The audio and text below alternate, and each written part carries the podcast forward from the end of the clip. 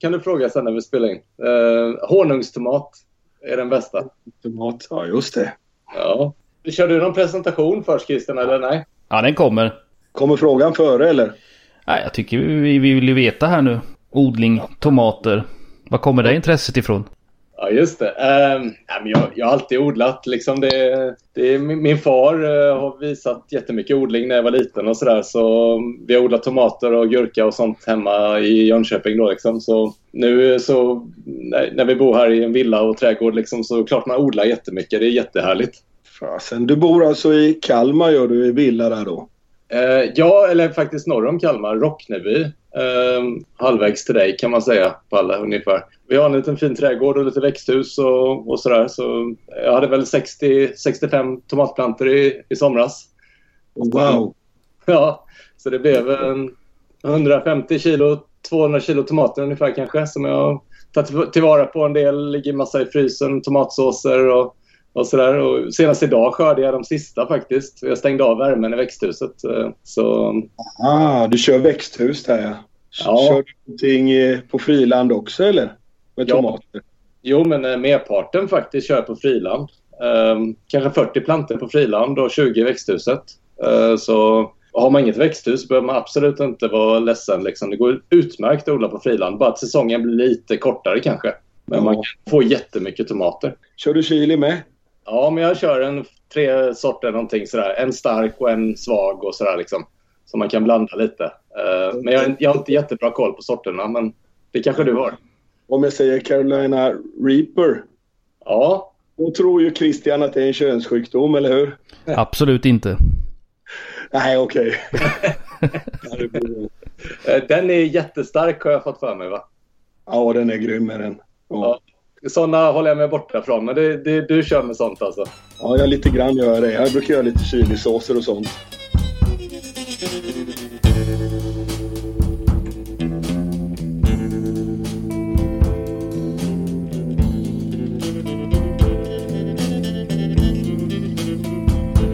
I've had enough of your bullshit to last me a lifetime. So get out of here. I don't wanna see Ja, you vad säger du Christian? Ska vi köra igång lite fiskesnack snack, eller? Absolut. Vi tar väl och eh, drar igång. eh, jag vet inte vilket avsnitt vi är på. Vad kan det här bli? 17 kanske av Swedish Anglers Rodpod. Uh, jag börjar tappa minnet och antalet vi har spelat in. Men eh, jag tycker vi tar och välkomnar Olof Engstedt till podden. Tackar. Välkommen Olof. Tack. Ja, vi börjar med att fråga lite. Vad har du fiskat senast? Eh, abborre främst. Det gick ganska bra. Jag fick till 15-60 gram. Eh, och det var en ganska lång fisk. Den var 50 centimeter faktiskt, den största. Jag är superglad över den abborren. Eh, det är inte var, varje dag man fångar en över 50 centimeter, så eh, jättekul. Eh, så det var det sista jag fiskade. Härligt. Ja, en 50 centimeters borre är ju inte jätteliten. Nej, de växer inte på träd de där. Det gör de verkligen inte. Nej. Även om vi är bortskämda med våra abborrvatten här omkring så det är riktigt fin borre. Ja, ja, men det är det. Ehm, jag fiskade borre för någon vecka sedan också. ehm, då fick vi några fina också, så här, några 1740 och så liksom, eh, gram. Ehm, men då var det en gädda faktiskt som, du vet när man ska släppa tillbaka gäddor ibland så man får ju lite småsår och så. Men då fick jag ett riktigt djupt jack på insidan av eh, tummen. Här, jag har fortfarande plåster som ni kan se på video. Um, och det var riktigt köttigt. Det var nästan en centimeter djupt. Uh, den skakade till precis när jag skulle ta ut kroken eller någonting och då kom hörntanden precis på insidan av tummen och bara snittade hela tummen så det bara störtblodade. Men uh, vi höll faktiskt på att spela in lite film då så här med, med Free Water Pictures. Och det, det enda att göra var ju att ta se- toapapper runt och sen eltejp liksom. och sen fortsätta fiska två timmar till. och nu, nu är det nio dagar senare och nu har det precis börjat läka. Det har varit ganska kritiskt faktiskt. Jag åkte inte in och sydde det utan jag, jag körde så här kirurgtejp och tejpade ihop det liksom. Men, men under 20 års gäddkarriär så var det här det, det värsta såret jag fått. Liksom. De kan ställa till eh, det. Det blir någon film där då alltså, någon, men det är inget blodigt namn i den. Uh, nej, det är det inte. Uh, men det blir lite blod på film kanske. Men uh, det var en fiskevårdsfilm vi har gjort. Vi har gjort ganska um, en hel del ett projekt med abborre kan man säga, Fokuserat på abborre fiskevård senaste åren här som vi har fått pengar från Sportfiskarna då. Och då har Kalmar län varit inblandat och då har vi gjort flera åtgärder och då som avslutning på det, det projektet så skulle, hade vi lite pengar kvar och då blev det en film som ska visa fiskevårdsåtgärderna och sen så avslutar vi med lite, med lite fiske helt enkelt för att visa att det, det, det går att få fisk liksom fortfarande och det är kul med abborrfiske liksom. Det är, en, det är en art som är rolig liksom. Så det var det. Ja. Riktigt häftigt låter det ju. Ja. Men eh, vad är det för typ av fiskevårdsåtgärder och så? Är det någonting... Eh, vad gör man? Är det i skärgården alltså? Alltså skärgården är... Vi har, det är ganska svårt att jobba i skärgården för det är så stort och, och sen har vi liksom insett att det, det fungerar inte riktigt bra för fisken i skärgården att reproducera sig. Uh, för vi har spiggen där och vi har säl och vi har andra problem. Liksom. Um, så de som verkar lyckas i hela liksom, sundet i princip och även norrut också, upp mot Stockholm också, det är ju de som leker i sötvatten. Um, så det är i sötvatten som vi fokuserar på våra åtgärder. För där, dels kan man liksom göra någonting koncentrerat i någon bäck eller dike eller så här, uh, och få till en bra åtgärd. Medan i havet är det så här stort och krångligt och man vet inte vad ska man göra liksom. Man kan, ja visst, man kan ta bort lite vass och sådär men vad blir det av det? Man vet, det går svårt att följa upp liksom. Det är så det är enklare med ett vattendrag. Då kan man liksom sätta en ryscha och se så här mycket fisk går upp och så här mycket fisk går upp efter åtgärden liksom fem år senare. Uh, man följa upp det mycket bättre. Liksom. Mm. Uh, och det verkar vara liksom spiggen då som är det största hotet som det verkar vara mot rovfisken då, uh, i, i Kalmarsund bland annat. den går inte upp i sötvatten i samma utsträckning som den är i havet. Liksom. Så Nej. sötvatten är nyckeln till i och med att vi har sabbat det mesta i havet så är sötvatten det som kan vara räddningen för rovfisken i, i Östersjön. Helt enkelt, kort sammanfattat. Okej, okay, ja, men det är härligt. Men man märker det, det är oftast bra abborrfiske i anslutning till sötvatten. Det är ju alltid dit abborren söker sig, både höst och eh, vår. Så man förstår ju det att det, den är viktig, det är viktigt för dem med sötvatten där. Ja, men verkligen. Och just abborren, eh, de vill gärna ha lite stora öppna ytor liksom, att gå upp och leka i, i sötvatten. Då, liksom. Det ska vara liksom, stora hålor och eh, kanske en stor sjöyta. Liksom, gå upp i ett vattendrag som kommer till en sjö. Det är perfekt för abborren. Liksom. Eh, så den är utmärkt för då kan liksom ynglen, ynglen är eh, till skillnad från gäddans yngel som gillar att vara vid vegetation när de är små. Liksom. De är, håller sig in till eh, växtlighet och så vidare och gömmer sig så blir abborrens yngel direkt när de är så här nykläckta så går de ut i pelagialen, alltså i fria öppna vattenmassan. Okay. Uh, ja, och då vill de ha liksom en stor håla liksom eller kanske en, en sjö liksom. Um, att uh, sprida runt sig i och uh, käka djurplankton då som de gör först. Så att få till de här fria vandringsvägar liksom till sjöar ganska nära kusten. Det är det bästa vi kan göra eh, i för, abborren helt enkelt. Eh, I, I Kalmarsund och Östersjön. Ja, ja där, lär, där lär jag mig lite nytt alltså. För jag har ju trott så här lite eh, man pratar ju alltid om risvasar, att de ska vara så viktiga. Men de kommer då i ett senare skede när abborren är lite större och vill ja, ja, börja jaga efter småfisk och sånt. Då hittar de dem i risvasarna. Så de är ja. inte där riktigt eh, när de är riktigt små utan då är det mera i fria vattenytor som du säger. Ja, ja men det stämmer. Uh, och sen när de växer upp lite då är det perfekt att det finns liksom skydd och risvaser typ liksom eller naturligt en stor vass eller någonting liksom. Um, ja. och, uh, att de kan vara där och födosöka och ta skydd från predatorer som gäddan och fåglar och så vidare och sådär. Så nej men det är helt rätt. Ja. Ja. Har man provat någonting och sätta ut risvasar i några större mängder? Jag tänker på sådana här skärgårdsvikar, marar och sånt där det kommer ut lite bäckar och sånt med sötvatten. Om man sätter, de är ganska karga så här, ganska grunt vatten, inte så mycket växtlighet just längst in där. om man har på något sätt, det måste ju ha funnits växtlighet där en gång i tiden innan man började släppa ut eh, kväve och fosfor och allt slammade igen. Ja, ja men det är helt rätt Palle. Um, har, vi har inte gjort det här i Kalmar på Sportfiskarnas kontor. Vi har gjort risvasar typ i mynningsområden i och för sig. Uh, I Lillån till exempel uh, har vi gjort en stor risvasa. Uh, och sen också i um, i Snärjebäcken eh, i mynningsområdet där. Så, eh, ja. Men helt rätt så man borde göra det i skärgårdsvikar också som är liksom grunda och inte har så mycket eh, features och, och, skydd och så vidare. Um, ja. borde man sett, satsa på det. Vi har pratat om det flera gånger, jag och min kollega. Liksom, men det har inte blivit av för man har så mycket annat att göra hela tiden. Det är ganska arbetsintensivt att göra sådana grejer. Men, men just sådana grejer borde kunna vara som ideella krafter kan göra. Liksom. Fiskeklubbar. För det är, liksom, det är ganska straightforward. Det är inte liksom rocket science att dra ut en risvase med olika material på isen till exempel kan man göra om det nu blir is någon gång. Liksom. En del utav julgranar som man kanske kan typ slänga ut någon annons någonstans på en Facebook eller någonting. Lämna din julgran här och sen så...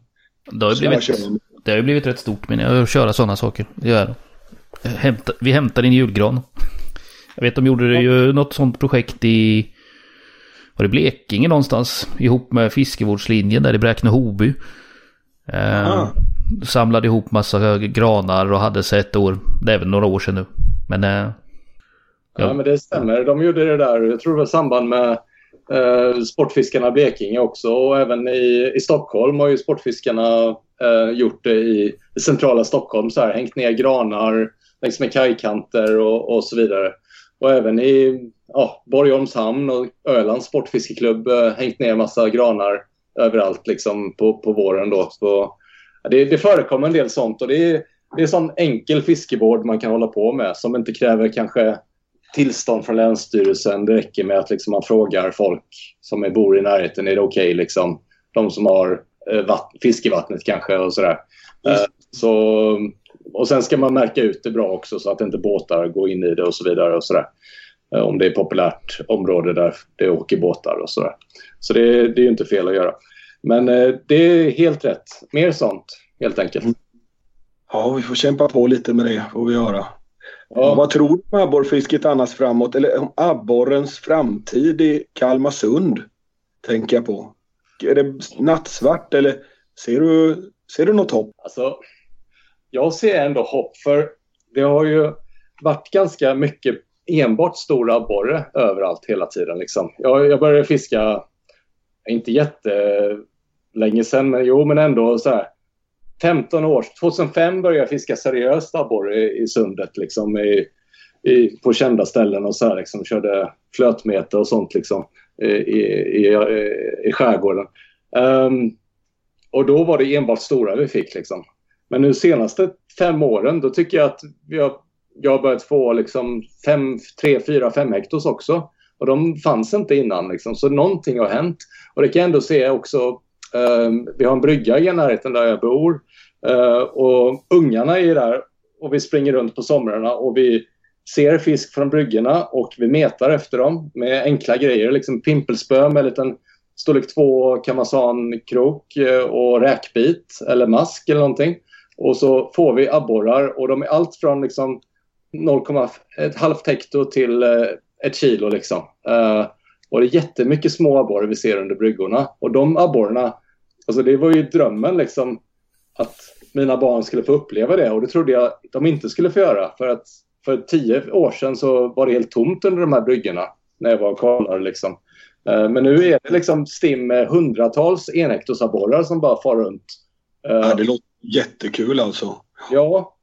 Lite sämre är det uppåt uh, mina trakter här, Oskarshamn. Det är sällan man får någonting som är under halvkilot, under sju hekto i alla fall. Det är, det är mest stor fisk är det. Men det kanske är så att det går i cykler och det håller på att svänga om nu. Man får hoppas på det i alla fall. Ja, men lite så. Eh, sen tror jag också liksom att oh, eh, de mindre abborrarna håller sig undan lite. När för vi, vi riktar oss in på områden där, där vi vill få stor fisk. Liksom. Vi, vi, vi fiskar, ja, vi fiskar i ställen där, där man vill ha en två kilos. Liksom. Uh, och det är inte säkert att de här treektosarna hänger liksom. För de, de, de kan ju nästan ätas upp av en tvåkilosabborre liksom. Ja, det är så. Ja, så det känns nästan som att de mindre abborrarna hänger någon annanstans. Kanske inne i vassar och så vidare.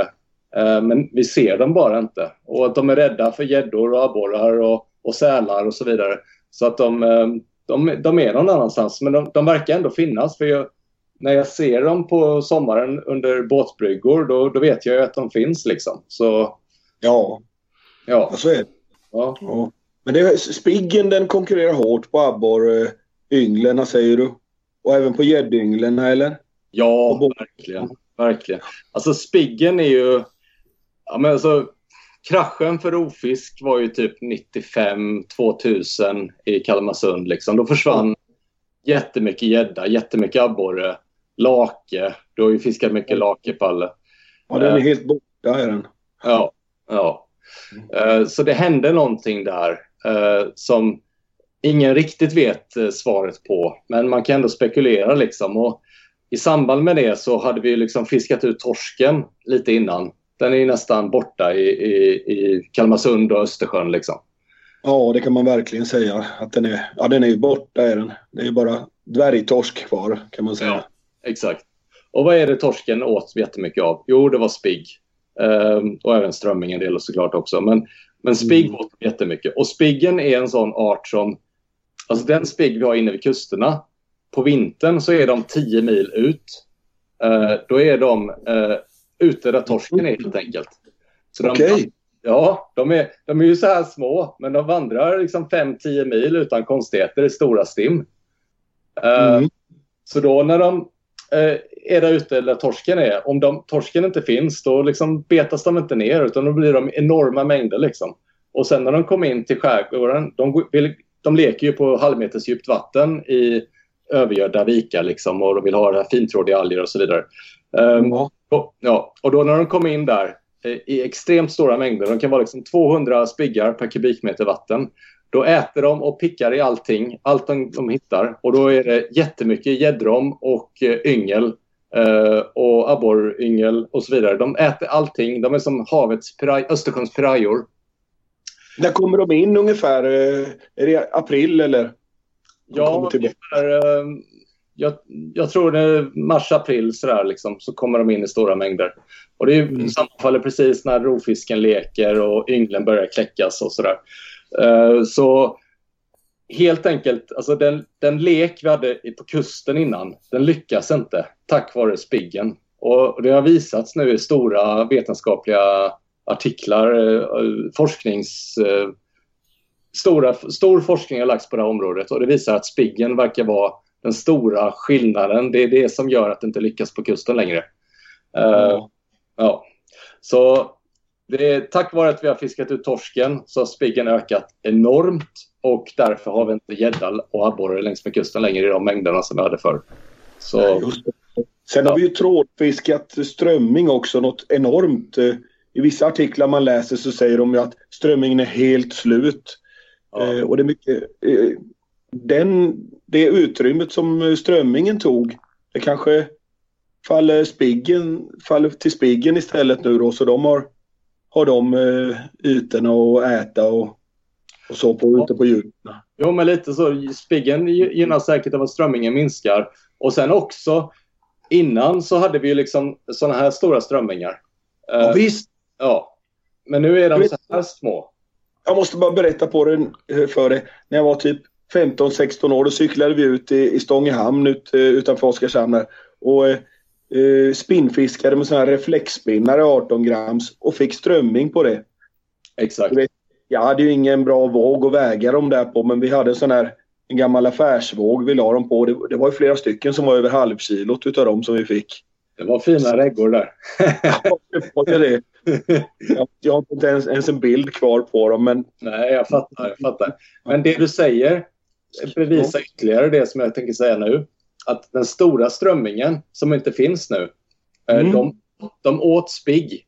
ah, tack att du sa det. Jag vågade nästan inte Nej, lägga det påståendet men eh, det, är ja, inget, det det, det har visats att de gör det.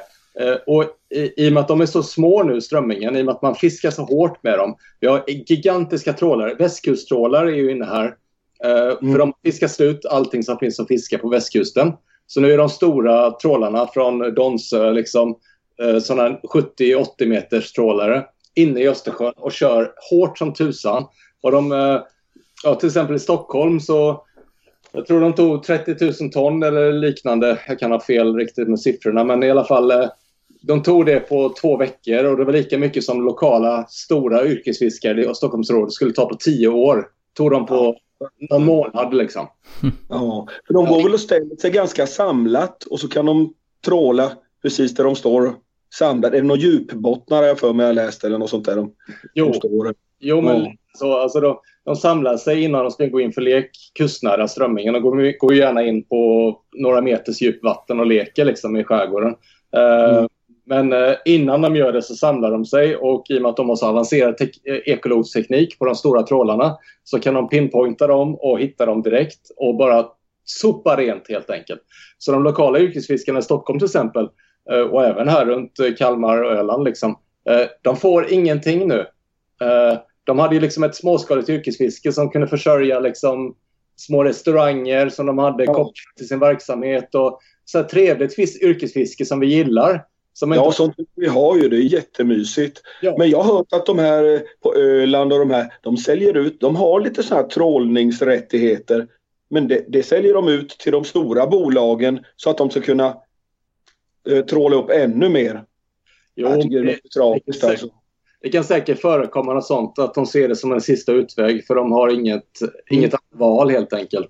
Eh, men de som är kvar och kämpar, de kan ju liksom vara ute och tråla en hel dag med en liten trål, alltså så här minitrål liksom, som är ja. okej liksom i våra ögon. Eh, och, och, få fem kilo strömming liksom på en hel dag.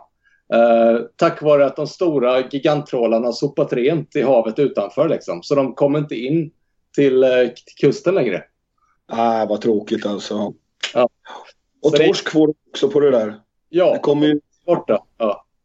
ja, det är jättesynd det är det. Ja, det är det. Då... Ja. Eh, och då... Dels så är ju liksom strömmingen en motor i havet på något sätt. Liksom. Gäddan äter strömming och, och laken och allting. Liksom. Abborren också. Så det, dels mm. får inte de den maten de brukar ha. Och dels så, som vi sa innan, de stora strömmingarna, de åt förmodligen ganska mycket, betar av eh, spiggen tillsammans med mm. torsken ute i havet. Då. Uh, och i och med att de nu är nedfiskade till en så liten storlek, i och med att man tar de könsmogna stora hela tiden i, i trålarna, så ökar spiggen ännu mer och det blir ännu mer spigg och spiggen kommer in till kusten och länsar rent allt de hittar. Liksom. Så det enda som är kvar nu är liksom de få bestånd som går upp i sötvatten, känns det som, som, som lyckas för, för abborre och gädda om man tänker på dem. Uh, så det är, ja, det är sjukt tragiskt, hela utvecklingen. Ja, en kompis till mig, eh, Simon Bergsten heter han. Hans eh, morbror, han är ju yrkesfiskare ute på Runne utanför Påskallavik. Och han kan ju se den här förändringen som har varit. Alltså, jag vet, jag tror för, förra sommaren, då berättade den här morbrorn då att han har fått två gäddor på hela året. Men det var samma gädda som hade gått in i Rysjön två gånger. det är konstigt. Och där ute vet jag en annan kille som bodde när, när jag var liten och han bara rodde ut på någon liten kobbe och kunde dra hur mycket gädda som helst. Ja. ja. Det var fantastiskt bra med gädda ute där men ja, det måste ju hänga ihop med strömmingen tycker jag. Att det inte finns någon mat för dem. Verkligen. Det, det hänger säkert ihop. Och att eh, spiggen är liksom i sådana stora mängder. Man, man kan ju knappt bada nu för tiden utan att man sticker sig på spiggar som självdör efter leken i, i juni. Så liksom. så... Det, har du det ligger ju tjocka mattor på stränderna faktiskt. Ja, och så ja. var det inte riktigt när vi var små. Nej, det var det fasen inte. Ja. Mm Men finns det något man kan göra åt spiggen då? Alltså för att få bort den? Eller minska den i antal? Få bort kanske inte ska, men jag menar... Jo, men alltså det, Nej, alltså den, den är naturlig. Den ska ju finnas såklart i vår, i vår Östersjö men eh, den ska finnas i rätt antal liksom, som funkar. Eh, och man kan yrkesfiska efter spigg. Det gjorde de faktiskt för hundra år sedan i Blekinge till exempel och hade så här spiggoljefabriker där de gjorde olja till lampor. Eh, av spigg, eh, spiggen. Så alltså, det går att ta upp. De har funderat allvarligt på sådana planer att rikta trålfiske. Att de här stora trålarna kan göra lite nytta istället. Istället för att ta fisk, eh, strömming då liksom, sill och, och göra till fiskfoder till norsk laxodling, vilket är helt eh, idiotiskt. Eh, så kan, man, eh, kan de tråla eh, spigg istället. Och då skulle de göra lite nytta och få tillbaka balansen lite mer i Östersjön.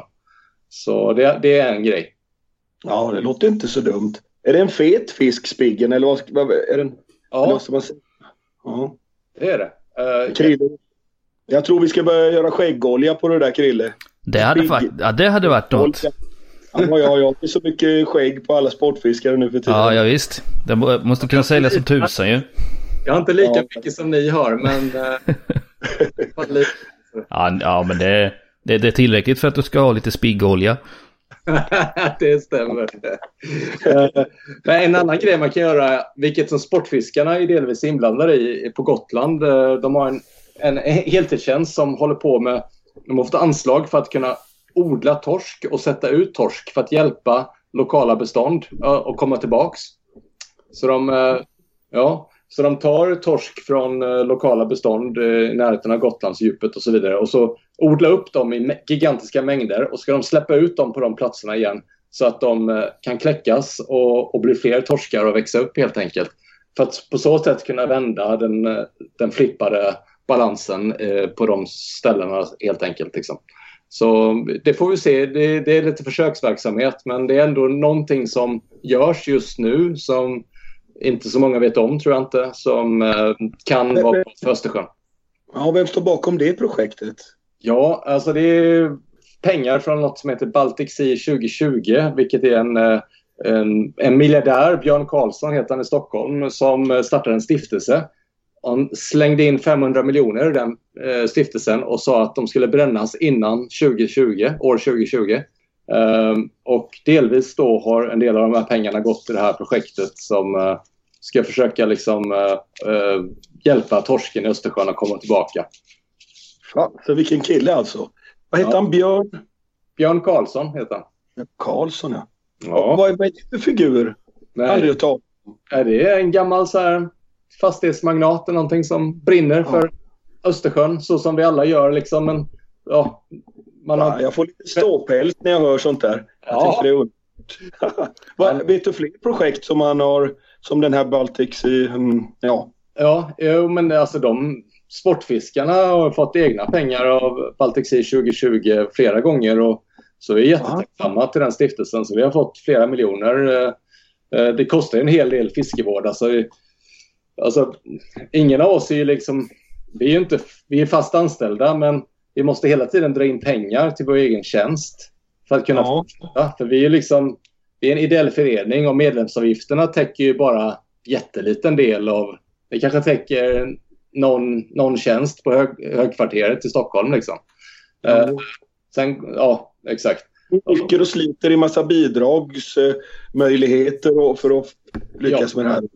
Vi, vi är ju 60, jag tror nästan 60 anställda på Sportfiskarna just nu. Mm. Eh, och all, alla, ja, det är jättegrymt. Och alla Jag de... det inte är så stort alltså. Nej, 60. det är Jag kan inte få fram så många ansikten när jag tänker så här. Nej. Nej, men så är det ju. Det är ganska många som jobbar i det dolda och ganska många som jobbar med så ungdomsverksamhet och sånt. Uh, ta ut ungar i skolklasser och, och gör fiskevård, slänga grus i en öringbäck och kanske kastdraget är någonting där de metar och får liksom vitfisk och sånt och det är jättekul. Um, så sån verksamhet håller vi på ganska mycket med. Jag tror vi har 20 heltidsanställda som gör sånt i, i landet.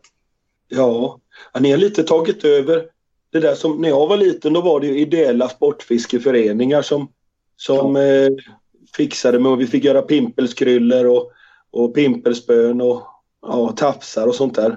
I en liten lokal i Oskarshamn och det fanns ju i varenda litet samhälle men Ja. det där är borta nu. Alla, nästan alla sportfiskeklubbar i Kalmar län känns det som. I alla fall ungdomsverksamheten.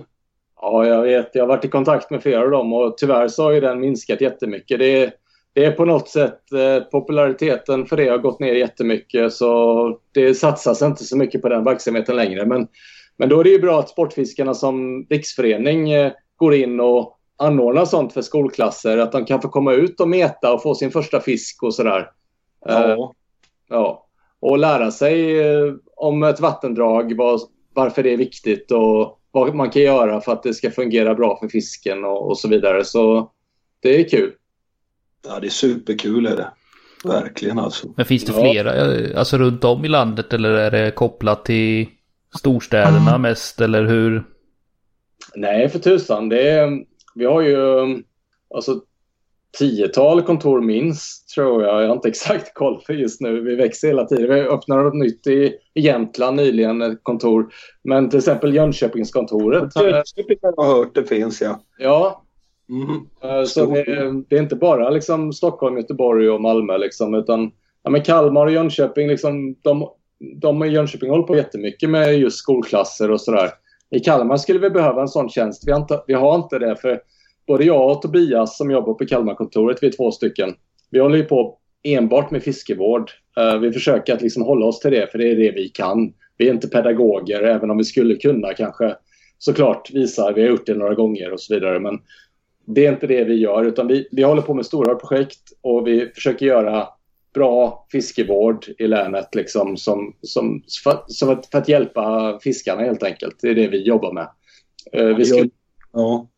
Han är ju i tidningen nästan var och varannan dag så läser man om alla gäddfabriker och alla insatser. Det är, jättekul är det. ja, tack. tack. Men eh, det där låter ju som ett bra jobb Krille, eller hur va? Det tycker jag att vi tar det där jobbet. Slåss om det där, den här tjänsten. Men hur går det till då om man vill jobba på Sportfiskarna? Eller till exempel om någon eh, ung kille skulle så här, känna så här, "Ja, jag vill jobba med sportfiske såklart. Ja. Om, om man ska välja inriktning eller sådär, hur ska man utbilda sig tycker du? Ska det vara Alltså, brett? Eller ska man eh, nischa in sig någonstans och bli specialist på något? Eller? Många av dem som jobbar hos oss har ju pluggat ganska mycket faktiskt. Eh, speciellt om man jobbar med fiskevård och, och jobbar med, med, med liksom båtmarker och avancerade projekt och så vidare. Eh, jag är ju doktor i marinbiologi så jag har varit ganska länge på mari, eh, universitetet. Eh, Ja, tio år säkert. Eh, men å andra sidan var det därför jag fick jobbet säkert för att jag höll på med forskare på gäddfabriker. Liksom. Så det blev ganska naturligt att jag liksom kunde fortsätta på Sportfiskarna efter jag blev, blev färdig. Eh, ja. Eh, men gick du på då? Var det universitetet i Göteborg eller? nej, eh, jag var på universitetet i, jag pluggade i Lund marinbiologi magisterexamen och sen tog en professor med mig till Kalmar för han skulle flytta dit. Han bara, vi kan väl forska på gädda här, sa han. Eh, och jag, bara, jag jobbade på Tetra Pak lite extra då liksom, för jag var färdig med min utbildning och jag visste inte vad jag skulle göra med, med mitt liv. Eh, Mm. Och bara ringde han. Ska vi, vill du bli doktorand i Kalmar? Jag ska flytta dit snart, sa, sa han. Och jag bara, ja, jag, jag kör liksom. Och jag, min, Ja. jag, jag höll på med så här eh, Tetra Pak filpaket och sånt och kollade, hällde röd vätska i dem och skulle se om de läckte eller inte.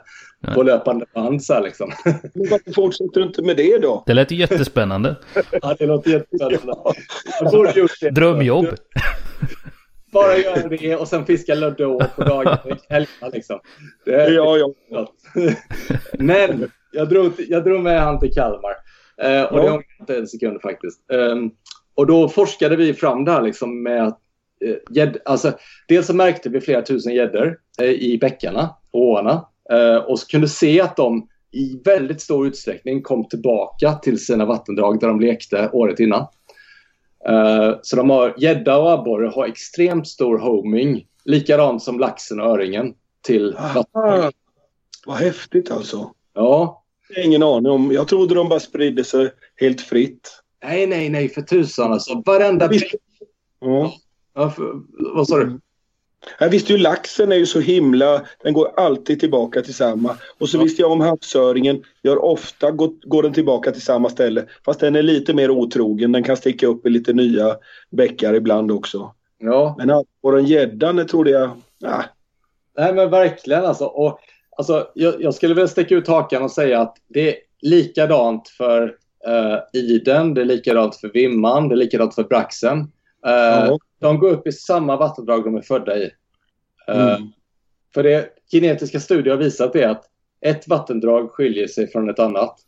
Eh, och sen våra studier med pit-tags, vi har satt i tusentals pit-tags. Det är liksom ungefär som en stöldgrej i en butik, du vet. Man sätter i en liten Ja. grej i tröjan liksom. Så när det piper när man går ut de här, genom de här bågarna. Ja, ja. ja, du vet. Ja, men det gör det jämt när jag har varit och handlat. Alltså. Det Jag är, fattar ingenting och springa som helvete. det är inte bra är det inte. Så du har ju bara shoppat Med liksom. massa folk. Ja. Alltså, du har bara lagt ner en massa grejer där. Eh, men i alla fall. Vi gjorde så med massa gäddor och abborrar. Vi satte i sådana stöldmärkningschip i dem. Och sen satte vi upp sådana grindar, eh, bågar liksom, som är i butikerna. Eh, Ja. Och sen märkte vi dem ett år eh, vid leken i mars-april.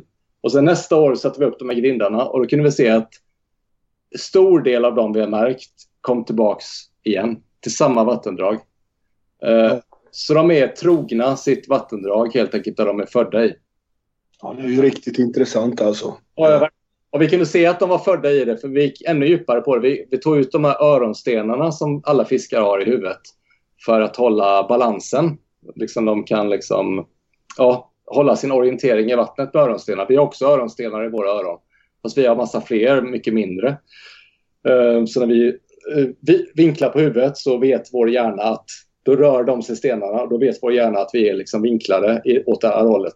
Och det är samma med fiskarna. Och, och de öronstenarna de byggs på hela tiden med omgivande vatten hos fiskar. Och, och när de är uppe i sötvatten så lagras sötvattensignal in i de här öronstenarna. Jaha. Ja. Eh, och i Det är havet. spännande alltså. Jag gillar sånt där lite nördigt. Ja, det här är riktigt nördigt. här, det här doktorerar jag på så jag kan det ganska bra. Eh, och, så jag är riktigt nördig också. Eh, men i alla fall, när de är i havet då så är det en annan signal. Då är det en havssignal av vissa ämnen i det man analyserar med jätteavancerad nukleär stråle i en lund liksom som probar håller på liksom och skjuter eh, strålar mot eh, otoliten då, öronstenen. Och då kan man se liksom vilka halter de här ämnena är i. Och då kan man se att den är i det här sötvatten, i sötvatten. Och sen kan man också se att varje sötvatten har en viss komposition av ämnen. Så ger en unik fingeravtryck helt enkelt. Så, så man kan ta vilken abborre som helst ute på kusten. Eh, och om man då har liksom analyserat eh, vilka ämnen som finns i de olika bäckarna, åarna, eh, så kan man liksom linka, länka den abborren till vilken år den är född i med de här ämnena. Ah, fy fasen vad häftigt alltså. Ja, Ja, det är- jävligt coolt alltså. Så då kan vi se liksom att de här gäddorna som vi eh, som gick upp för lek i det här vattendraget, de hade samma ämnen längst in i sin otolit, öronsten. Det är som en trädstam liksom, som byggs på med årsringar. Så om man analyserar längst in i trädstammen så ser man vilken komposition av ämnen den hade när den föddes. Ja. och då kunde man se att alla de som gick upp för lek i det här vattendraget hade samma komposition. Eh, så de är födda i samma vattendrag, i det här vattendraget helt enkelt. Eh, så det är jävligt coolt. Den forskningen blev jävligt, eh, väldigt bra eh, och eh, erkänt interna- internationellt och så vidare. Så det var, det var tufft. Ja. Ja, fy sjutton. Jävla häftigt det där tycker jag. Är helt så här. Ja, ja, det hade man inte riktigt förväntat sig kanske. Nej, så, så liksom alltså braxar och abborrar och gäddor och idar. Alltså de, de går upp i samma vattendrag år efter år. Eh, Och de går inte upp i, någon kan visst gå upp i något i- annat liksom om, för de sprider sig lite såklart. Men alltså 95 procent går upp i samma vattendrag. Eh, och det betyder också då att liksom allt man gör, alla åtgärder man gör eh, blir kopplat till de här populationerna. Eh, och eh, Det betyder också att man kan sabba en population väldigt lätt genom att förstöra ett vattendrag. Alltså, man, man har en jättefin våtmark och så dikar man ut den för att få mer jordbruksmark och så vidare. Och då, då kan liksom lekområdet helt försvinna och då kan gäddorna och abborrarna som leker i den våtmarken helt försvinna tack vare att man gör det här. Och då, då, får man, då kan man typ aldrig få tillbaka dem ibland när det är helt borta. Nej. Nu är vi inne på de här gäddfabrikerna va? Nu är vi och touchar dem. Ja, Jag har ju funderat och jag frågade Krille så här. Fasen ska vi säga alltså? Jag vet ju inte ens hur de fungerar och vad är principen? Har, har du läst på något om det där Krille eller ska vi? Nej, men nu förstår man ju lite mer eftersom de är då, om man säger att det är 95% som går tillbaka till samma ställe hela tiden. Då förstår Ja. man ju poängen med att, att anlägga de här och se till att de är rullande hela tiden så att ingenting händer med dem. För då kan man ju hela tiden få den här populationen att Ja. fortsätta yngla av sig. Eh, men jag förstår ju fortfarande inte riktigt. Så nej, förklara på här. Det här vill vi höra. Ja, just det. Nej, men alltså i Sverige och hela världen så har liksom våtmarker minskat med 95 procent. Alltså lugna stö- eh, vattenytor på vårfloden eh, eh, i bäckar och vattendrag och diken och sådär. De är liksom borta för att man har liksom dikat ut, grävt ett djupt dike för att få bort vattnet för att man ska kunna odla eh, ända längst ner till havet typ liksom och sådär. Eh, så våtmarkerna är borta i 95 procents utsträckning. Um, och det är just de här områdena som gädda och abborre nyttjade förr väldigt, jätte, väldigt mycket. Um, det var fullt med, med liv i våra vattendrag uh, förr i tiden. Um, och, men det, liksom, det märktes inte så, jätte, så jättemycket av det liksom på 70 80-talet för att kusten och innan också, kusten fungerade så himla bra med rekrytering genom att gädda, abborre och flera arter eh, kunde leka på kusten och, och reproducera sig. Men i och med att nu liksom när vi har spiggen där som käkar upp det, allting som kläcker på kusten nästan, så då, då, då, då märks det verkligen av att sötvatten inte fungerar eh, nu. För det, båtmarkerna är borta liksom och kusten fungerar inte. Och då, vad händer då? Jo, vi har ingen fisk alls nästan att fiska på. Liksom. Det, det lyckas inte någonstans. Så det enda ställena vi kan göra någonting är att återställa våtmarker. Och, och det går att göra hyfsat enkelt, även om det är ganska mycket jobb. Det kan ta två, tre år innan man liksom får igenom det är Länsstyrelsen som ska godkänna det. Det är, liksom det är markägarna för det första som släpper till mark, kanske jordbruksmark till och med. Eh, det är liksom eh, eh, pengar som kan fixas fram. Det kan kosta en halv miljon, en miljon för att göra en våtmark. Eh, det är vår tid som ska läggas och liksom vi ska klura ut exakt hur, hur det ska göras. Och sen ska det genomföras, vilket är den lilla biten. En, en månads arbete på hösten ungefär för att göra en våtmark. Liksom. Eh, men när man väl gör det då, liksom, då, då ser man oftast om man har ett, ett gäddbestånd kvar i, i diket, i bäcken, eh, då blir det enorm respons första året. Då kan man liksom, från att ha mätt yngel till, ja men säg bara Kronobäck och Oknebäck, där var det liksom ett gäng hundra gäddor som var uppe och lekte varje år och det var 3000 yngel som vandrade ut varje år. För det, det fanns inga bra lekområden eh, i, den, eh, i Mönsterås där. Mm. Uh, och efter vi, vi gjorde den åtgärden, det gjorde vi faktiskt i det forskningsprojektet jag var inblandad i för att liksom ta reda på. Vi ville inte bara märka fisk och se att de var uppe och lekte i de här bäckarna utan vi ville se hur kan vi förbättra fiskbestånden också. Och då gjorde vi just åtgärder som en del av forskningsprojektet för att liksom um, ta reda på vad som kan funka. Vad, vad kan vi göra för att förbättra det? Liksom, vi, märk, vi märkte att det funkade inte i havet. Liksom. Uh, och då liksom um, gjorde vi den i, i Oknebäck och då var- mätte vi upp 3000 yngel innan åtgärden och sen gjorde vi våtmarken. Fixade allting liksom och då, gjorde det hyfsat bra. Det var vår första våtmark så den var inte perfekt kanske liksom med, med vandringsväg och så vidare men uh, i alla fall. Eh, det gick upp ett gäng hundra gäddor där eh, men det lyckades inte så bra med, med, med reken. Eh, men första året vi gjorde våtmarken så det var 3000 innan och det var 100 000 yngel i den här storleken efter åtgärden. Efter, Herregud. ja. Ah, Snacka om skillnad. ja, det är jävligt skillnad. Alltså. Och nu är det faktiskt, nu har den stabiliserat sig och blivit lite bättre. Dock är vandringsvägen väldigt dålig där så vi ska, vi ska faktiskt göra, förmodligen nästa år ska vi göra en ny fiskväg till den båtmarken. För den gjordes av en entreprenör och ja, vi visste inte exakt hur vi skulle göra en fiskväg bra på den tiden. Det här var 2008 någonting. Innan Ja. jag var på Sportfiskarna kan man säga.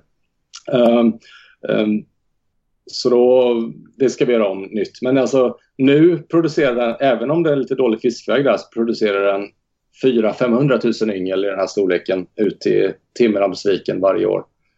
Så det är extrem skillnad. Räknar ni dem då med en sån där båge som du sa? Och, och, nej, hur fasiken? Nej, Räknar helt enkelt va? Ja, alltså det skulle ju vara något, någonting, men det, jag tror det är svårt när det är så små yngel liksom. För de är allting från en Ah, just det. till, till eh, 10 centimeter kanske. Liksom. Eh, utan då, då sätter vi yngelfällor. Och då kan vi liksom eh, fånga varje dag, man vittjar dem två gånger per dag. Eh, se hur mycket yngel som går ut från våtmarken ut till havet. Eh, och helt enkelt på det viset så kan vi se hur mycket yngel en våtmark eh, producerar. Ja, jag har inte varit ner och tittat på det där och det är nästan lite skämskudde på det. Jag måste ju åka ner dit och kika i, i Timmernabben men, men man, man, gräver, man gräver upp och man dämmer upp och lite sånt där. Det är det det handlar om va? Ja, helt enkelt. Um, om det har tidigare varit historiskt en våtmark så behöver man inte gräva så mycket utan då räcker det med att man liksom återställer tröskeln i diket som har grävts genom våtmarken. För lantbrukare, bonden har ju säkert grävt ett dike för att få bort vattnet. Ja, visst. Ja, Så då Eh. svämmar det ju över förstås när du lägger en tröskel. ja. Så vi fyller igen diket helt enkelt och gör en fiskväg i diket kan man säga. Eh, Som är ja, men, här, låg lutning och vandringsbar för fisk. Eh, och då liksom eh, blir det en vattenspegel innanför den här i sänkan liksom, som har tidigare funnits. Liksom, som nu, tidigare var genomgrävd. Så då återställer vi den sänkan genom att höja tröskeln och få en våtmark innanför. Ja, just det. Ja, Ja, då fattar jag. Fattar du Krille? Jag är med. Men Ja, det, gött. men det jag funderar på är hur, hur känsliga är de här våtmarkerna från, eller de här gäddfabrikerna och så här, om något skulle eh, hända rent det, det, det skulle bli något problem med dem. Jag tänker eh, att vattenflödet på något sätt skulle stängas ute eller något liknande. Vad, Det har ju varit så de senaste åren nu. Väldigt lågt vatten. ja. Eh, väldigt dåliga flöden i bäckar och åar här eh, längs med Kalmarsund. Det kanske påverkar eller? Jo, men det, alltså det, det, ni är helt rätt på det. Ni, ni liksom tänker logiskt och då kommer ni rätt i tankarna. Alltså, ju lägre flöden det är på våren, desto sämre blir det för fisken som leker i vattendragen. För då, då svämmar inte bäckarna över på samma sätt och skapar de här grunda, fina våtmarksområdena liksom, som gäddan till exempel kräver. De vill gärna leka på liksom 15-20 centimeter vatten, gäddan. Uh, och hittar de inte det här översvämmade vatten, de här våtmarkerna i anslutning till vattendragen, eh, då blir det inte lika bra lek helt enkelt. Så det, alltså, vissa år när det är dåliga flöden och regnar dåligt och ingen snö och så vidare som kommer smälta och som ger ett långsamt fint vattenflöde, liksom stort vattenflöde, eh, då, då blir det dålig rekrytering, dålig lek av både gädda och abborre, tyvärr. Mm. Ja, just det. Andra arter också förstås påverkas väl utav det där. Eh, Jag tycker något som jag har märkt de senaste åren det är att det är sämre och sämre med betesfisk. Alltså maten till gäddan tryter lite. Jag har svårt att få tag i betesfisk om jag ska ismeta på vintern och sånt där. Ja, ja. Dåligt med mört och dåligt med björkna och Jo, nej, jag, jag håller med. Det är ju det är alltid jobbigt att fixa betesfisk. När man, folk som... det var inte det förr var det inte. Nej, Det är lätt. nej, jag, jag, jag var med lite på den tiden när det var bra, innan det blev dåligt. Liksom. För typ 15 år sedan var jag ändå... Då kunde man liksom inne i Kalmar, i så här tefatet liksom, i, vid stationen där. Liksom, man kunde Ja. kasta, kasta upp eh, 20 stycken 3-4 hektarsmörtar liksom. Eh, det finns ju inte på kartan idag att göra det. Nej. Nej. Undrar vad som har hänt alltså. I, ibland så brukar jag ha en liten teori och nu är det ju lite som om jag kommer svära i kyrkan här när jag påstår det men det känns som om att det har blivit ett så litet, mycket mindre näringsläckage ifrån bäckar och åar så att, och lite att de gynnades av det där för att det kom ut lite näring. Eh, vitfisken också. Ja, alltså Mm. Det, det kan kanske ligga någonting där. För det har varit ganska mycket näring innan i bäckarna. Vi har grisat ganska mycket. Och senaste, Hundra år alltså. senaste 20 åren så har bönder skärpt till sig och det har skapats fler matmarker och näringsläckaget är mindre helt enkelt. Så, så är det. Men jag tror det har med lite andra saker att göra också. Det har säkert en del med, med vattenflödet att göra. För både, Ja. liksom, eh, både löja och id och, och mört eh, vill ju gärna ha strömmande vatten eh, eh, för att leka i. det, det, blir inte lika bra lekmöjligheter i de här steniga strömmarna som, som fanns in, innan. Liksom. Eh, det så, så som vattnet står stilla alltså. Det ja. behöver ju syre, rommen och ja. och, ja, det är sant.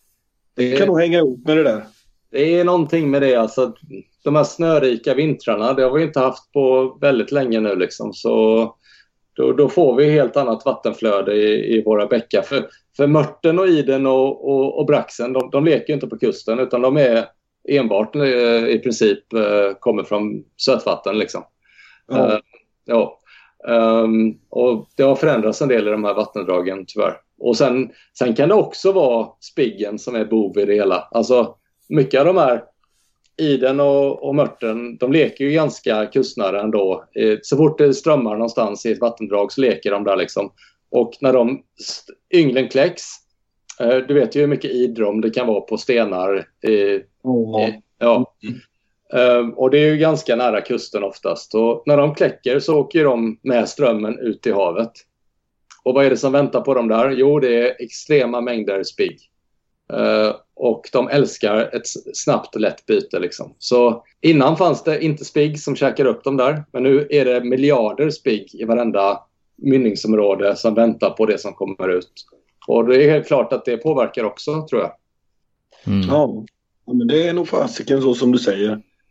Ja, för man, måste vara. man märker ju det att, eh, alltså om man kollar till exempel i Mörrumsån som jag fiskat en del i nu här ett tag. Det finns ju, finns ju ingen mört. Det finns ingenting i stort sett. Det enda man, nu fiskar jag för, förvisso efter id men det, det är det enda man får liksom. Ja. Finns, det finns ja. inget och när man snackar med de som har fiskat länge där nere. De, de säger ju det att förut fanns det ju jättemycket eh, mört och löja och allt sånt. Men det är ju helt tomt där nere nu. Ja, jag har också flera sådana åar runt Oskarshamn där det har försvunnit helt och hållet. Till exempel, ja, det finns en liten bäck, Skallarebäcken i Oskarshamn.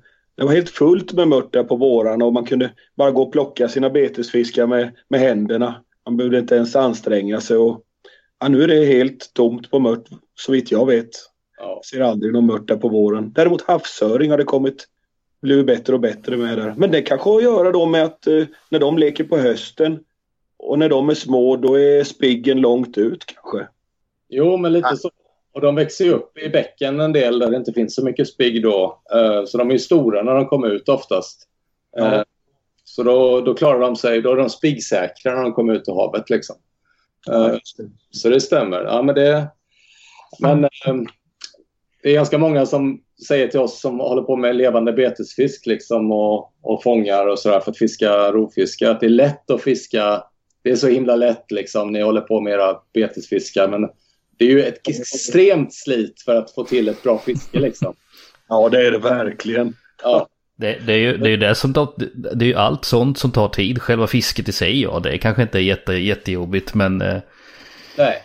De där, det... de där timmarna man har lagt ner på att försöka och, och, och samla ihop betesfisk och eh, Ja. Det ska vittjas mörtstugor och det ska eh, köras runt och letas fisk på nätter. Alltså det... Ja. Det är svårt för folk att förstå. Har ni mörtar i sumparna nu inför hösten och vintern? Har ni fyllt upp? Nej, jag är dålig på det alltså. Men jag har lite löja faktiskt sparat. Men eh, jag kommer satsa. Det har varit ganska mycket jobb nu. Eh, intensivt med stor våtmark vi har gjort eh, i höst nu. Ehm, så, men eh, jag kommer eh, alltid, jag kör alltid en massa matchstugor och sånt och vittjar varje dag, varje natt och sådär liksom. Drar iväg när ungarna har somnat så drar jag iväg med bilen och kör en vittningsrunda och eh, det är ett jävla slit helt enkelt, det vet ni. Jajamän. det är spännande också, det är roligt det där alltså. Du får ja. ge mig lite tips för jag har inte en enda mört i sumpen, det är helt slut är det. Ja, men vi kan snacka sen lite off air.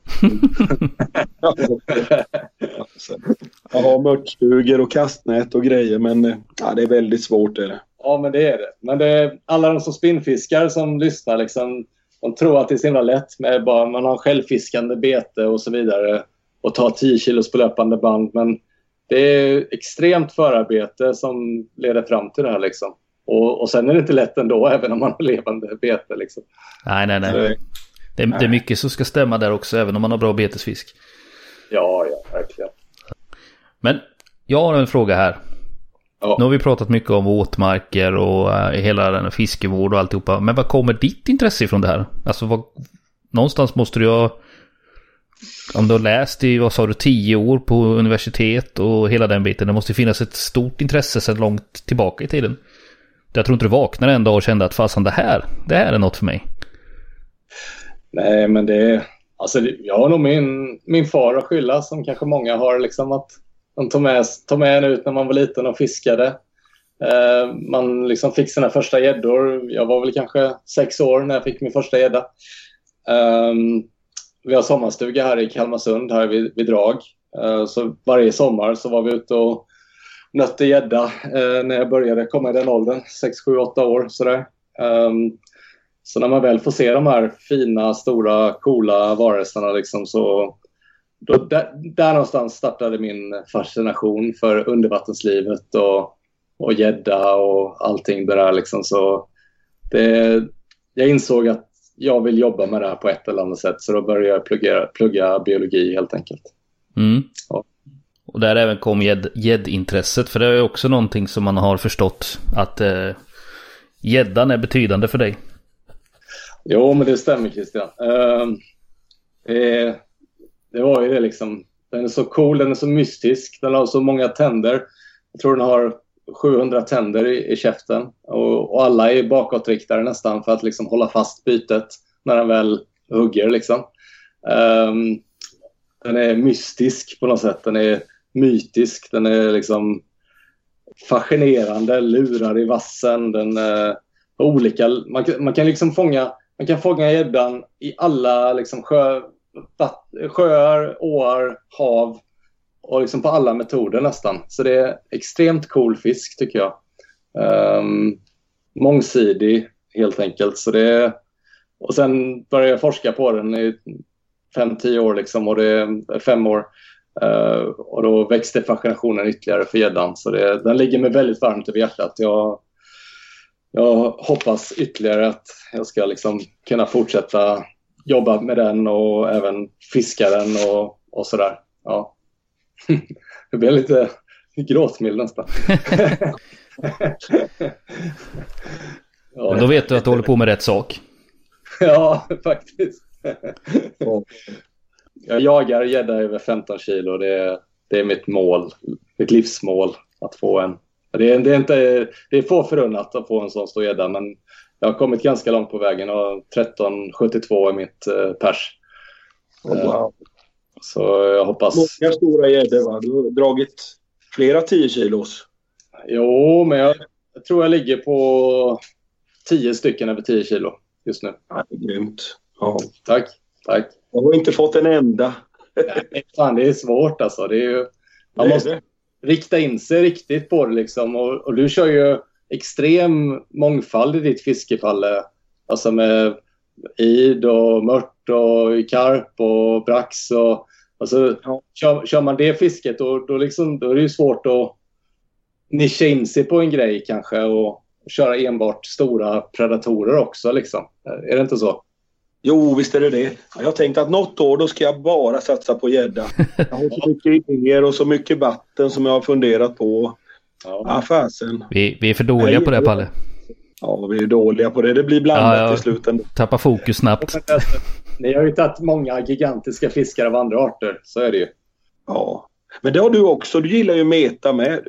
Med gädda framförallt, det gillar du att meta va? Ja. Ja. Eh, Ska du gädda också?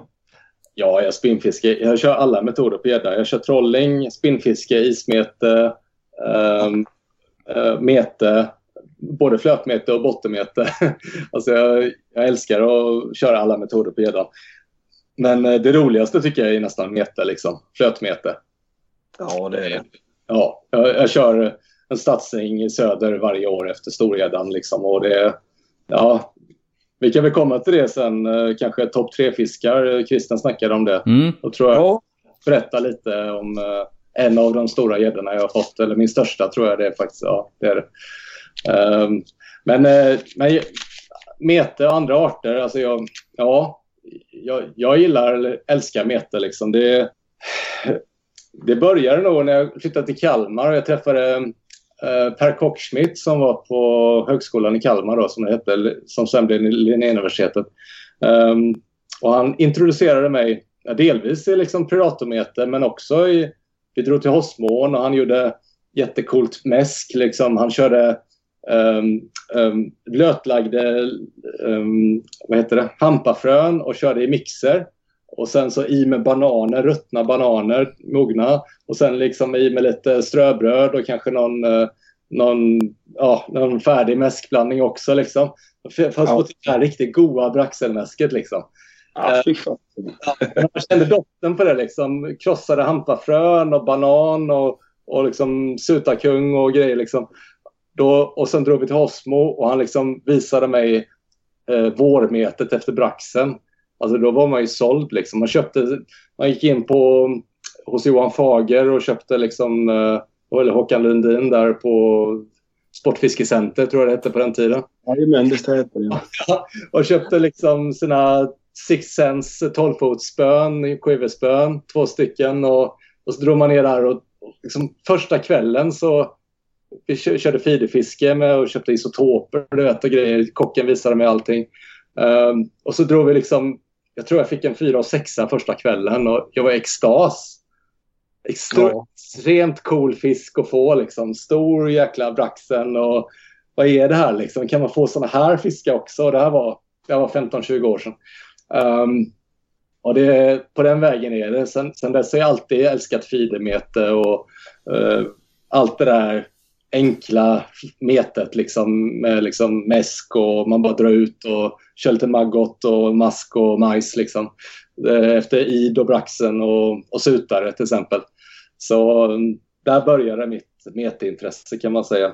Ehm, och sen gick det över till lite mer med larm och, och, och efter karp och, och sutare och sådär. Jag drog till Antorpa, jag var med i Svenskan och Hells Anglers som kocken var med i, gick jag med i då också. Uh, några ja, du var med de grabbarna med? Ja, det och de här var med också? Sven Haglund och ja. Jim mm. Karlsson och ja. Så jag tävlade. Det där med. Nu blir, får, får jag lite gåshud där och blir lite gråtmild. Gamla tiden. ja, det var det. Jag tävlade säkert mot dig då också. Ja, ja det gjorde vi. Ja, det gjorde uh, och jag tror att ja, du vann säkert, men uh, jag kommer inte ihåg riktigt. Vi, vi kom hyfsat bra till uh, varje år i alla fall. Vi vann inte riktigt, men vi låg i toppen i alla fall, tror jag. Ja, det kommer jag ihåg. Ja, det var kul, roliga tider. Så där, där liksom, det är mitt metintresse. Liksom. Jag älskar det också. Det, jag metar efter alla arter eh, och sådär. Ja, det var lite mer tryck i, i, i metet i Kalmar för, på den tiden. Det var fler som höll på. Det eh, massor med folk i Hossmån satt och fiskade brax och sådär. Och de ja. får omkring Frank Hunold och det var Josefsson-bröderna och de här. Ja, ja, ja. Nej, men det, det, det stämmer. Men, eh, men faktiskt, det, eh, det, är ändå en del nya också som kommer nu. Eh, du har, ju, har du kort i Hosmo eller? Nej, jag brukar lösa ett sånt där sommarfiskekort eller så löser jag dagskort bara. Ja, just det. Just det. Men då, det är en del nya killar. Det kommer liksom folk från så här Tranås och Jönköping och så. Liksom, ja, vad gör ni här? Ja, vi kör brax liksom. Sitter de och fiskar och är 18 bast liksom. Så det, det finns en uh, förnyelse på, på arenan. Så det är kul. Det är riktigt bra. Ja, ja. verkligen. Behöver man inte, då kan man liksom, behöver man inte känna sig sådär supergammal och stå filig alltid. Det finns någon form av föryngring. Ja, men lite så. Så Skäggiga gubbar i vassen. jag kommer ihåg en gång i, i Skåne när jag pluggade där så Um, det var innan jag hade börjat specimen, uh, alltså fidefiska och sånt. Liksom. Men då, då var det multe som var hett då liksom, i Skåne. Och det enda sättet att ta dem på var... Ja, så det gick att fluga dem, men det är jag inte jätteinne på. Liksom, sådär. Uh, det är svårt också. Men då Eh, skulle jag meta efter multe och då drog jag ut massa mäsk på ett ställe, jag tror det var Landskrona någonstans. Um, det kändes hett liksom inne i en hamn någonstans och en hörna liksom. Och drog ut massa mäsk där och jag såg att de, det var där ute liksom. Och sen började de komma in och så började de käka på mitt mäsk och så drog jag ut min lilla krok eh, med, vad hade jag för bete? Vad tusan var det? Um, ja, jag kommer inte ihåg nu vad jag hade för bete i alla fall. Men jag drog ut min krok med bete på och så bara drog det iväg direkt. Alltså. Jag fick vänta ganska länge innan det drog iväg. Men första gången jag la ut och fiskade på fisk när de hade kommit in, då bara drog det iväg direkt. Och den var så jäkla stark. Den bara drog 30-40 meter rätt ut. Bara... ja, och jag landade den efter ett tag. Liksom, och det, ja, den var över ägg. Den var 2,5 typ drygt, 2,6 någonting. Precis ägg. Så, och det är faktiskt min enda äggfisk på multe. Och, så, och nu är de ju typ helt borta från Skånekusten så det var himla tur att jag, jag fiskade dem då vid den tidpunkten. Ja, jag skulle jättegärna vilja fiska multe men det är ju för sent ute. Jag med. Ja. De är borta, tyvärr alltså. Det, det, är någonting. Det var extremt stort yrkesfiske efter dem. De la nät i alla åmynningar, Lödde och så vidare. Um, så, och sålde till Frankrike och saluhallar och så vidare i Sverige. Så, för det är väldigt god matfisk. Um, mm. Jag tror det är delvis det som har sabbat det hela. För innan så fanns det väldigt mycket. Det är som alltid storskaliga som förstör. Ja. ja. Ja, du fiskar lax också gör du va? Rätt mycket. Ja, ja men eh, jag har en trollingbåt och kör eh, på, på vårarna då främst. Ehm, det är så mycket man vill fiska på ett år så jag fokuserar till maj månad laxen kan man säga. Och det är lite dumt för maj månad som ni vet så händer så mycket annat i, i, i fisket och metet. Ja, det är mycket då är det. Ja. Så det är ett himla... Och sen är det ju så lite fågelskådor också så då händer jättemycket i maj också. Så man är uh, kluven överallt liksom. Um, men det är, uh, jag försöker fokusera på fisket lite mer än fågelskåderiet faktiskt. Så det är tur. Uh, för annars hade jag inte fått gjort något fiske alls. Jag, jag la faktiskt 11 pass i, i maj månad efter laxen uh, längs med ja, i södra Kalmarsund ner mot Blekinge kan man säga. Um, så vi körde där på vandringslaxen och passerade där. Um, och vi lyckades ganska bra i vår. Vi fick, en, uh, fick nytt båtrekord med några hekto faktiskt. 16 och 9, 16 och 8 tror jag det var. Ah, kul! Ja. Riktigt grymt ju. Uh, det var min brorsa som fick ta spöet. Jag, farsan och brorsan drog ut en tur. Vi hade båten liggandes i liksom. Så var vi i sommar och så sa jag till dem att vi skulle dra och fiska. Och så tog jag med dem ut där, visade hur det skulle gå till liksom, och sen bara drog det iväg på ett spö och då fick brorsan det spöet och så tog det en timme att få in den här 17 kilos laxen ungefär. Och han var ju ja. liksom. det kan jag tänka mig. Alltså, men där hade du nästan kunnat göra en sån här Leif Krause-kombo. Så du hade kunnat köra lite fågelskådning i Ottenby och sen ja. ut och köra lax ja. halva dagen. Alla är inte så sjuka som han. så Nej. Som kör karp på nätterna liksom och kör lax på dagarna. Eh, ja. Det är next level liksom. jag fattar inte hur han orkar eller hinner med alltså. Nej, jag fattar inte heller. Det är väl ingen som gör. Men det, eh, han har extremt driv den pojken alltså. Är riktigt duktig fiskare, så är det ju. Men äh, vi, du och jag, vi försöker så gott vi kan. Ja, Tänkte på Sportfiskarnas eh, olika projekt. De har ju massor med projekt. Jag googlade lite nu och jag fick fram hur mycket som helst. Ge fan i våra vatten var ju ett och Rädda en gädda och... Ja. Ja. Det var och det var något malprojekt var ju jättespännande också. Som ja. Sportfiskarna deltog i, i Nyköpingsån um, va? Ja, just det. Jo, men det, jo, men det, alltså, vi har en extrem bredd i det vi håller på med helt enkelt. Um, malprojektet där uppe, det går ut på, de håller på där i Nyköpingstrakten, i de sjöar där, där de finns då liksom. Um, och um, kartlägger dem, märker dem, ser hur många det finns. Um, samtidigt gör de det i Linné här också, i Helgeåsystemet. Uh, ja, runt uh, i, inne i Småland, i sjöar där, där det finns mal. Um, inte MO-systemet, ja de kör i MO-systemet också faktiskt. Um, och ser hur gamla de är och hur stora de blir och hur många det finns. de har kunnat visa att det kan vara liksom tusentals malar i en stor sjö. Och så har de visat också att uh, de kan bli upp till 80-90 år gamla, de de har fångat. Mm. Så en, uh, en, wow. två, ja, en, en 50 kilos mal på 2,30-2,40 den kan vara 80 år gammal. Åh herregud ja. ja. Det är coolt. För de har fångat den år efter år. De har, de har fångat massa malar som de har märkt år efter år. Och då kan de genom fångst och återfångst se hur mycket de växer för varje år. Och genom att sätta in det i en graf så kan de se liksom att eh, det är den här grafen, de, den här kurvan eh, de följer liksom i tillväxtmönster. Och då kan man se eh, tillväxten per år och genom att plotta det eh, mot eh, hur gamla eller hur långa de är så kan man liksom, om man har en längd kan man plotta det mot eh, ålder kan man säga.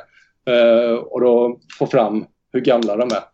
Eh, så tillväxten ger åldern eh, och då 80 Ja. år alltså. Det, Det är fantastiskt. Är Det är det. riktigt coolt. Fasen. Ja. Det hade... det trodde man. Nej, det trodde man inte. Ja, jag trodde malarna kunde bli liksom, ja, men 40-50 kanske. Liksom. Eh, sådär. Ja, man får känslan så här, de är sådana snabbväxare så de kanske inte blir så gamla tänker jag. Så här. Exakt, det trodde jag också. Liksom. Ja. Ja. Men de har kunnat visa det liksom att nej, men de, de största där är 90 år gamla. De är födda liksom 1930. De de har fångat i projektet. Ja. ja, det är fantastiskt. Är det. Ja. har du fler sådana här maxåldrar att bjussa på? Jag tycker det är skitsvårt att hitta. Jag brukar sitta och googla på nätet. Hur gammal kan en färna bli och hur gammal kan en gädda bli? Har du några sådana där i minnet bara? Jo, men alltså gädda kan ju bli så här 30 år gammal. Ja. Uh, um, abborre lite mindre, 20 ungefär sådär. Um, något som är fascinerande är att en gädda på en meter är oftast i Kalmarsund. Jag kollat på data från Fiskeriverket i Simpevarp, Oskarshamn. Ja. Eh, De har analyserat eh, tusentals gäddor här som de har fått i provfisken. De här just öronstenarna, otoliterna. Ja. Och då kan de se att en gädda på en meter är i snitt där uppe i alla fall 15 år gammal. Och det är inte gammalt alltså? Nej. Fasiken om de kan bli 30. Ja, eller så är det gammalt. För Åh, Alltså, ja, alltså man tror ju oftast att ja, men det är ju bara en metersfisk. Det är ju liksom en eh, 6-7 kilos fisk. Alltså, den kan ju inte vara mer än... eh, ja, folk, folk behandlar oftast fisk liksom... eh, ja, det är bara en, en eh, 6 kilos liksom. Det är ju inte så mycket. Men att den liksom ändå har levt i 15 år då liksom minst. ja, Innan. när du lägger upp det så blir det en helt annan tanke. Mm. Du, Ja, du, visst. Ja, har tänkt om lite här. maxålder och sånt. Liksom, då blir det en helt annan skala. Liksom. Men, men att en meter, och säg då liksom en 1,10, 1,20, de kanske är 20 år gamla eller minst, minst 20 år gamla. Eh, Då förstår man liksom hur lätt det är att förstöra ett gäddbestånd om dels man liksom fiskar för hårt på dem, dels man tar upp dem, dels att eh, man förstör dikar ut våtmarker så att de inte kan leka och bli fler och dels att spiggen äter upp ynglen. Eh, varenda sån här stor gädda liksom, den, den har ändå klarat sig från extremt mycket genom livet och den har klarat sig från, från massa sälar genom livet och så vidare. Så de här stora gäddorna är extremt värdefulla och de ska vi bevara helt enkelt. Ja, det, det är verkligen alltså. Det är sköna ord att höra. Ja, tack. Det vill man att alla ska ta till sig. Absolut. Ja. Jaha, vad ska vi flytta över emot? Var det något mer där om något projekt du ville Palle? Du var inne på någonting. Jo, det här. Ja. Rädda en gädda. Vad är det för projekt? Jag har bara sett eh, snurrade förbi något sådär för, på Sportfiskarnas, eh, om det var på hemsidan eller något jag såg, köp någonting, bla bla, och så var det rädda en gädda. Men sen har jag liksom inte sett så mycket mer kring det där. Nej, just det. Jo, men eh, Sportfisken har ett projekt där man kan liksom eh, köpa lite produkter och, och bidra till eh, våra projekt eh, som eh, kan bli pengar till... Ofta så liksom vi, kan man söka pengar och få, få mycket pengar från länsstyrelser och så vidare. Men sen kanske man oftast behöver lite medfinansiering. Eh, 10% eller 20% och sådär. Och då, då är det ofta svårt att hitta de här extra pengarna och då, då kan de här sådana här pengar som kommer in från medlemmar som köper lite produkter och, och ger en gåva och så vidare vara det som blir skillnaden för att ett projekt kan genomföras eller inte helt enkelt. Mm, Okej. Så, det är lite det som eh, Rädda gädda-grejen är på, eh, som Sportfiskarna har ordnat då liksom. Mm. Det är typ det här Ge fan i våra vatten är väl något snarlikt då eller fast det startades någon gång av eh, ett gäng musiker var det inte så? Jo men exakt det är som tröjan jag har på mig nu, Millencolin-tröjan. Ja. Uh, ja. Millencolin och... Uh, Weeping Willows var väl inblandade? Helt rätt vad de jag tänkte på. Eh, Dregen, Backup Babies, eh, Pernilla Andersson. Ehm, de drog igång liksom att en del av deras intäkter och, och så vidare från eh, vissa grejer skulle gå till Ge fan i våra vatten, det projekt som Erik Olsson och Sportfiskarna drog igång då från Millencolin bland annat. Ehm, och det har gett ganska mycket, lite coola projekt som har blivit genomförda tack vare de pengarna och produkter som är framtagna. Till exempel Erik Olsson är han som gör i Millencolin som gör mycket av våra grafiska loggor, kepsar och sånt. Uh, ritar. Uh, han har gjort de här tecknade gäddorna och sådär liksom, som vi har i någon Youtube-film och så vidare. Så han är, han är grym och har bidragit jättemycket till Sportfiskarnas grafiska grejer och, och därmed gett oss inkomster en del för, för kepsar och sånt som köps av medlemmar. Och så mm. så all, all cred till honom. Absolut. Det är bra med när det finns, finns sådana människor som är villiga att hjälpa till, som kan hjälpa till när de har den positionen de har liksom. Ja, nej men verkligen. Ja, det är underbart. Ja, Palle, hade du något mer där? Ja, jag känner ibland så här att fasiken har dåligt samvete. Jag fiskar i Östersjön och jag betalar ingenting. Jag skulle gärna vilja lägga någon peng för bättre sportfiske och sånt. Eh, och för Östersjöns skull. Vad, vad ska man satsa på och sätta, sätta in pengar på då? Alltså, det viktigaste tycker jag är att man är, kanske är med i Sportfiskarna bara. Alltså att man, man, man fixar ett medlemskap helt enkelt. Det, det kostar några hundra per år uh, och då genom dels lite pengar vi kan använda till olika grejer uh, och dels så är det att vi blir starkare i vårt budskap uh, mot allt möjligt. Finansiärer, politiker, ja kommuner och så vidare. Just nu är vi 60 000 medlemmar tror jag i Sportfiskarna. Jägarförbundet är 300 000-400 000 medlemmar. Så de har mycket större genomslagskraft. För man är ju bara så stark så så så många man är. Ja, mm. så är det ju. Det ska jag ta tag i faktiskt. Jag är inte med i Sportfiskarna. Så det är lite skämskudde här. Nej, men det vill jag. Det vill jag. Ska jag fixa det. En gång innan liksom, men... Uh... Ja, det har jag. Ja, mm. så nu, nu kan man gå med igen liksom. Och det uppmanar jag lyssnarna att göra för inte bara liksom för att det ska gå pengar till min lön, för inget, inget av de pengarna går till min lön. Jag, jag måste fixa mina egna pengar hela tiden för i projekt och så vidare. Utan det, det, är liksom, det viktigaste är att vi blir mer människor som är med eh, i Sportfiskarna så att vi kan liksom gå till stora politiker och säga att kolla här, det är en halv miljon här som håller på och fiskar och vi vill ha bättre fiske och vi vill ha friska vatten och friska fiskbestånd. Och liksom, vi, är en, vi har ganska många röster. Vi är en halv miljon människor. Ska vi rösta på dig eller ska vi rösta på någon annan? Ja, vi, vi fixar det här. Ni får hur mycket pengar som helst liksom, och vi ger pengar till fiskevård. Då, då, är, då blir det win-win för alla. Liksom. Mm. Ja, det låter skitbra alltså. Och en halv medlemmar. Det, det, är målet alltså. Det är gött. Men nu ska vi gå tillbaka lite med fiske tycker jag. Ja, det låter bra. Jag, jag, mm. Jag har ju sett att det har snurrat någon film där, någon liten trailer kring en Peru-resa ni, ni gjorde för ett tag sedan. Men sen har du gjort lite andra resor också. Det var, ja. vad, vad, vad, vad började intresset kring de här resorna? Alltså var, var det bara för att komma ut och kunna fånga några riktigt stora fiskar eller finns det något annat bakomliggande? Det är väl delvis mitt, alltså mitt biologiska, marinbiologiska intresse att liksom uppleva de fiskar man har läst om i böcker och så vidare. Ehm, och, och, se andra länder. Jag har rest ganska mycket, jag har varit i alla världsdelar och sådär. Men ehm, alltså det, det, det, för fem år sedan typ så tog det på allvar fart. Så jag har faktiskt rest varje år sedan dess eh, i, i, fem år i rad nu till nya coola resmål. Uh, men nu, nu, får jag faktiskt ta det lite lugnt för dels är pengarna slut och dels är frugans tålamod slut. Så jag är på hemmaplan ett tag nu framöver. Men, uh, men ja, men det, det, har varit extremt coolt att få uppleva de grejerna jag har fått uppleva. Eh, till exempel Peruresan som du nämner. Det var, det var nog det, det var den bästa resan jag någonsin gjort. För liksom, tänk dig komma till liksom, i Perus djungel, i Amazonas, längst in. Man åker liksom längs med stora Amazonas och sen bara svänger man av upp i ett biflöde. Och sen svänger man upp. Man åker typ 20 timmar på den här stora floden.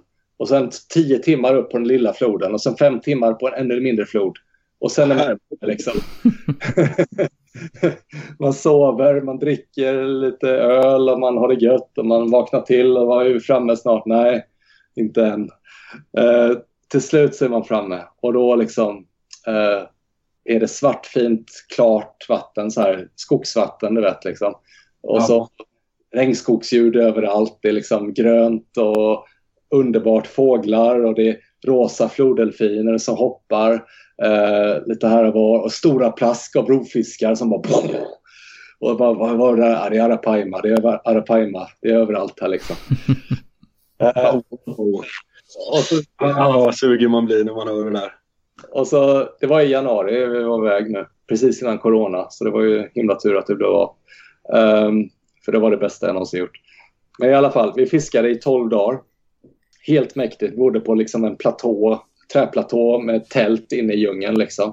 Uh, hade jättefina guider med som gjorde mat åt oss och donade jättemycket. Hade med sig massa fint käk och sådär liksom och hittade en del i djungeln och så vidare. Uh, och så fiskade vi hårt. Vi körde spinnfiske och mete. Uh, och båda mm. fiskade bra. Liksom. Uh, jag fick 10 arpaimer på, på 12 års fiske. Och största var på ja, runt 100 kilo och två meter lång. Fiskar alltså? Ja, så jävla magiskt. Vi fick flera sådana faktiskt. Många låg runt där så här 80, 90 och 100 kilo. Så det är sjukt starka och explosiva fiskar. Och ta dem på spinnfiske var next level. Liksom. Stor gäddjigg och kraft, kraftiga gäddfiskeprylar. Bara sula ut, veva sakta och sen spinnstopp och sen bara sög det i liksom. fisk som gör hästsparkar åt helskotta liksom. Och ja. extrem fight. Um, och meter liksom körde vi med uh, cirkelkrok och på natten uh, också en del nattfiske. Jag och Henrik Stale var det bland annat från Sverige då som var, var, ja. Jag tog med honom, eh, övertalade honom att det här ska du göra och han, bara, han var inte sen att tacka ja. um, och, och, vi var liksom ett team där i djungeln. Vi, vi körde i en sån liten alley canoe uh, med presenning och al aluminium liksom. Extremt liten äcklig kanot som man lätt kunde välta i. Men vi blev mästare på den efter några dagar. Liksom. Vi behärskade allt. Vi jobbade som ett team. Vi fiskade som i trans liksom. Vi, många av de andra sov och liksom softade. Liksom. Vi, vi var bara ute och fiskade. Vi körde hårt liksom. Um, nattfiske, mete liksom i vasskanter. Då körde vi ut en liten fiskbit, så här, halvfisk liksom, på en cirkelkrok. Och en enmeters tafs och bottenmetare liksom, med 100 grams bly. Och helt rätt vad det var så bara tickade baitrunnen iväg och så nitade man och så drog man på en sån 90 kilos monster liksom. Uh, helt mörkt, ögon överallt när man löste med pannlampan. Det var kaimaner liksom som var i kanterna. Uh, ja. och, och arab, äh, pirajer överallt också. Uh, dock så, alltså de är inte farliga, bara, bara man inte blöder så är det, är det lugnt. Uh. Blöder man så blir man uppäten på några sekunder. Blöder man inte så klarar man sig. Um, Oh, ja, fy fasen. så det var, och sen varje gång man fick en fisk så var man tvungen att hoppa i för att kroka av den. Och ibland satt kroken inne i, i halsen liksom. Och då var man tvungen att dra in handen långt ner, ända upp till axeln ibland. eh, som har förlö, förlöst en ko ungefär. Eh, och, för att hitta, hitta kroken och så bara, ja, där är den. Och de klarade sig jättebra. Vi, alla klarade sig. Vi fick 29 stycken på sex man på, på 10-12 dagar och alla klarar sig. Liksom. Så... alltså, sen, ja, jag skulle ha gjort en sån där resa också egentligen men, men jag är så jävla rädd för ormar. Och det såg du säkert några där va? Uh, faktiskt inga. Men uh, en gång så var jag rädd att jag blivit ormbiten för jag hade två hugg liksom på handen. För vi, det är extrema vattenfluktuationer som går upp och ner. Så vi hade, när vi kom så var det en meter högvatten. Så all djungel var översvämmad så vi kunde liksom paddla kanot i djungeln. In till de här sjöarna som korvsjöar som var bredvid ån, liksom floden. Ja. Um, och då en gång så var det jätteköttigt med väx växtlighet in till en av de här sjöarna. Då fick liksom dra kanoten jättemycket. Ja, vattenståndet hade gått ner lite också då. Um, och då fick jag jätteont i handen och hade två huggmärken på ena handen. Då trodde jag att jag var körd liksom. Ja. Det var fem timmar till närmaste doktor och du vet. ja. Så, men ja, det, det gick över som tur var. Det, var inte det kan ha varit någon insekt som bet mig eller någonting. Liksom. Men helt ska, man ska ha respekt för allt som rör sig där. Vi såg jättemycket spindlar och skorpioner och sånt. Och på toaletten hade vi en skorpion en gång i närheten där. Och, som vi fångade i och för sig och hade lite roligt med och undersökte när, närmare biologer som vi är. men, men eh, ja, mäktigt eh, var det i alla fall. Och det, man, man, man ska ha respekt för det som kryper, det, det är helt rätt. Men eh, man ska inte vara så rädd egentligen att man inte ska göra det. det jag tycker du ska övervinna din rädsla. Ja, vi försöker med det. Det är bara att ta på sig gummistövlar och hålla sig undan helt enkelt. Ja, det ja, Men skulle... Ja, det, var, det var en resa det, men du har ju du har, du har fler att berätta om va? Jo, men det har jag. Men jag vet inte hur mycket tid vi har. Men jag kan väl säga... Eh, jag har dels varit i Nicaragua och kört harpun. Eh, det var riktigt fräckt fiske. Eh, sen har jag varit i Papua Nya Guinea och kört eh, GT och Dogtooth Tuna och Yellowfin Tuna och, och sedan Napoleon Fish. Ehm, och det, det var också en helt magisk upplevelse. Jag var ute på ett rev fem timmar bort från fastlandet från ön där liksom och, och fiska stora Giant Trevallis GT då. Um, vi fick inte jättemånga sådana för det kom lite dålig tidpunkt men vi fick flera stora Dogtooth Doggies som de kallas, Dogtooth Tunas. Och då fiskar man liksom djupt ner, 200 meter ner, en metalljigg på 200 gram som man drar ner till botten och så vevar man snabbt som tusan. Ja. Man blir jättetrött liksom. Och rätt för det så bara nitar det i liksom. Och så drar det iväg på en 100 meters rusning liksom. Eh, ja, sjukt coolt. Jag drog på en sailfish där också faktiskt. Och den, den drog fan 400 meter. Uh, åt helvete. Den fick jag inte upp tyvärr. Men uh, första resan, bl- så här, blått vatten, eh, tropiskt vatten, var till Sudan faktiskt. Och det var en riktig upplevelse. Jag har varit två gånger där och fiskat. Eh, GT då, framför allt. Men man kan även få andra Dogtooth Tuna där också och så där, i Röda havet då. Det är söder om Egypten i Sudan där. eh, I Röda havet. Um, första eller andra resan där så hade man blivit lite van och, och sådär. Man visste hur det funkar och speciellt land såklart. Men vi var ju merparten ute på havet och bodde på en båt liksom. Men när vi skulle åka hem så hade ju liksom våra pass i Sudan, de måste alltid beslagtas när man kommer dit. Och så ska de skickas till Khartoum, huvudstaden. Så när man är ute och fiskar så har man inte sitt pass liksom. Utan man hoppas bara att det ska komma tillbaks när man ska åka hem. En stämpel och visum i och så vidare. Mm. så när vi kom där så vi skulle åka tillbaks efter en veckas fiske då så kom det någon sketen folkabuss där och hämtade upp oss och bara har du passen? Ja, ja visst vi har passen. Vi ska till flygplatsen nu. Och dels så liksom gick bussen sönder på väg till flygplatsen och var någon kille under, under folkabussen som meckade med växellådan så man kunde se. Han sa, rätt på det så åkte golvet upp så man såg hans ansikte under den här meckade växellådan. Liksom. uh, och sen fick jag ordning på det så drog vi till flygplatsen och bara, ah, men får vi våra pass nu så vi kan åka hem. Flyget gick om en timme eller någonting. Han bara, aj, I forgot the passport. Åh, oh, herregud. det, på ett plan i veckan till, uh, till Dubai då. så, så, det är inte så kul att vara fast i den. Det är lite, det är lite u-land och så liksom såklart. Det är, det är speciellt. Men han drog uh, uh, i racerfart och hämtade passen och så kom tillbaks med typ ja, 30 sekunders marginal innan flyget skulle gå. Och då kunde vi gå igenom vår, vår säkerhetskontroll och så vidare. Säkerhetskontrollen var rolig för det var så här röntgen ni vet som det är på flygplan, eller flygplatser. Och, och den var inte igång. Men de skulle ändå dra igenom bagaget där. För sakens skull för att liksom se ut som de jobbade. var smart liksom. Stod, stod någon bakom och tittade på skärmen också? Ja. fem, fem personer som jobbade med det. Åh, Ja, det var... Nej, det är roligt. jobb. Det är att resa. Um, en riktigt cool resa jag gjort också var för fem år sedan ungefär i Kanada. Vi drog och fiskade maski. Um, spinnfiske då eh, på en stor flod, eh, Ottawa River. Um, och även också i Ontario och Lake Ontario. Och bara stå och nöta liksom stora spinnare. Eh, masken kallas ju liksom a fish of 10,000 casts. Liksom. Man ska nöta på liksom, så kommer en. Liksom.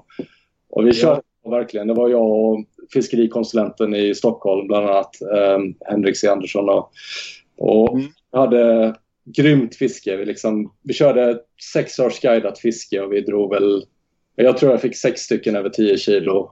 Och sen sista dagen så fick vi en extrem... Jag, jag drog på en i mörkret. Liksom, så här perfekt dag. Liksom, hade nött på eh, jättemycket. Vi har inte fått någonting nästan. Så drog vi på en grekisk restaurang och drack lite Retsina-vin och hade lite gött. Och sen drog vi ut och fiskade. Vi skulle köra mörkerfiske. Och, och så drar jag på sista mörkret så drar jag på ett extremt fett hugg på lång lina.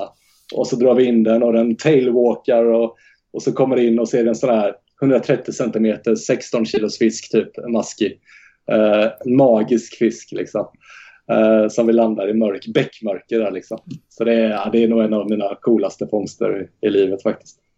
Ah, shit vad häftigt alltså. Ja. Men du, om man, om man vill titta på det här, de som lyssnar och sånt vill gärna se allt det här du har berättat om nu. Men finns det lite videoklipp eller filmer eller någonting? På, på, på Youtube eller? Jo, men jag har lite på Youtube, men inte så jättemycket. Jag är inte sån, eh, sån YouTuber som alla andra är riktigt än. Men det Men- kanske är folk som har varit med dig som har, Ja, som att, har filmat lite. jag har en del på min Instagram till exempel. Ja. Olof.sportfishing. Uh, där kan ni gärna gå in och följa. Uh, Mm. kan man gå tillbaka lite och kolla lite. Ja, allt ligger inte där såklart, men eh, där finns en del material. Men den här Peru-resan ni gjorde, där var det väl någon som filmade eller? För det var ju någon trailer som snurrade för ett tag sedan vet jag. Eh, Det stämmer Christian. Eh, Och den filmen är faktiskt klar. Um, Alla filmare som var där, vi hade ju um, alltså, drönare och GoPros med oss allihop. Liksom. Så um, det finns jättemycket material och filmen är färdig faktiskt. En av filmerna. Eventuellt ska jag göra en egen också om jag någon gång får tid. Men eh, det är en jättebra kille från Tyskland som var med på resan som har klippt upp en film och den är färdig och den ska faktiskt släppas på Fish Echo. Ja, för jag var där jag såg um, trailern rullade förbi vet jag. Ja, men det stämmer. Ehm, och inom kort, jag ska faktiskt höra av mig till Jano, Jano på Fisheko och kolla när den släpps. Men inom kort så släpps den på Fisheko, den filmen. Mm. Så det kan ni kolla in. Det kan vi väl länka till Absolut. också ifrån den här podcasten. Det vore ju perfekt ju. Den slänger vi med Ja. om han har dykt upp så. Ja, Härligt. eller så gör vi det i efterhand sen eh, och lägger upp en ny länk Ja. lite senare ja men, när filmen kommer. Ja. eh, Ja, vad säger du Christian? Var ska, vi, var ska vi ta vägen nu då? ja, vi har ju varit inne och snuddat lite på det här känner jag. Jag tror kanske att någon av de här fiskarna kanske ligger med på den här topp tre listan som du kan tänkas ha. Jo, ja, men det stämmer. Eh, den här masken där är ju med där som vi sa nyss. Men mitt pers på gädda är med där också, 1372. Ehm, det var en vårdag för tio år sedan. Ehm, och eh, min polare som vi hade börjat fiska då i, i, i söder där, i Gäddå där. Eh, och min polare hade ett strul med flickvännen så han var tvungen att åka in till, till land för att reda ut de här problemen med, med nya flickvännen då. Eh, och då, liksom, då fick jag ta hans spö också. Så jag körde med två spön, uh, flötmete. Och jag liksom la mig någonstans där jag tyckte det var hett och jag lagade lite mat och jag typ la mig och vilade lite och sådär. Och rätt vad det är så ser jag ena flötet, hans spö då, eller um, ja, hans flöte. Uh, fast det var ju mitt då såklart. Um, hoppa upp och ner liksom. Och sen så lade det sig på sidan. Och sen hände det ingenting mer. Jag tänkte det är ju jättekonstigt för det ska ju vara djupt här liksom. Så jag efter ett tag nitade i och gör ett fett mothugg. Jag tänkte det, det måste vara fisk liksom. Och rätt upp så kom en gigantisk gädda en meter från båten. Jag var väldigt nära båten, två meter från båten. En tailwalka direkt nästan liksom och bara plaska ner. Och det största gäddan jag sett liksom typ liksom. Och intensiv fight. Jag landade den efter inom 30 sekunder. Ehm, och då är mitt pers då på 1372. så, så gick det till. Och vad, sa, vad sa polaren om det sen då? han, han ångrade ju att han eh, gick in i land och grälade med flickvännen. De har för övrigt två barn och är fru gifta nu liksom. ja, det gick ju något bra i alla fall. Det gick något bra. Men, men faktiskt, eh, det flötet har han tagit sitt pers på, på 16 och 6. Eh, samma flöte som han hade på då på den. Så båda våra pers har vi på samma flöte. Eh, det flötet tog vi då och satte i en, en plexiglasmonter, en liten ask liksom. Eh, och sen har vi skrivit upp varje vårgäddas största Eh, varje vårsatsning största gädda på, på den asken ristat in med en märkpenna. Liksom. Eh, okay. Ja, lödpenna. Uh, så det, det har, liksom, har vi vår kuppokal över den fiskehelg vi har varje år. Så det har blivit historiskt liksom. ja. För oss. Vad fasen, varför förvarar ni den? Uh, det, vinnaren varje år får ju ta med den då. Ja, ja, ja. Vem har den nu? Jag tänkte, jag har ju ingen stor gädda så tänkte det där turflötet kan man ju ja. kanske norpa. Nej. Väldigt nära dig, Palle. ja, vad gött. I mitt fiskehus. ja, det är bra. Det är bra. Ja. Så du har ett eget fiskehus också? Ja, på tomten har jag faktiskt en stuga på 50 kvadrat där jag har mina fiskegrejer. Så ja, det är gött. Ja, fasen det skulle jag också vilja ha alltså. Ja. ja det är gött att ha lite prylar där inne. ja, ja. Du får komma förbi och ta en kall Löwenbräu innan då. Ja, det ska jag göra. Hör fasen. Ja, jag lovar.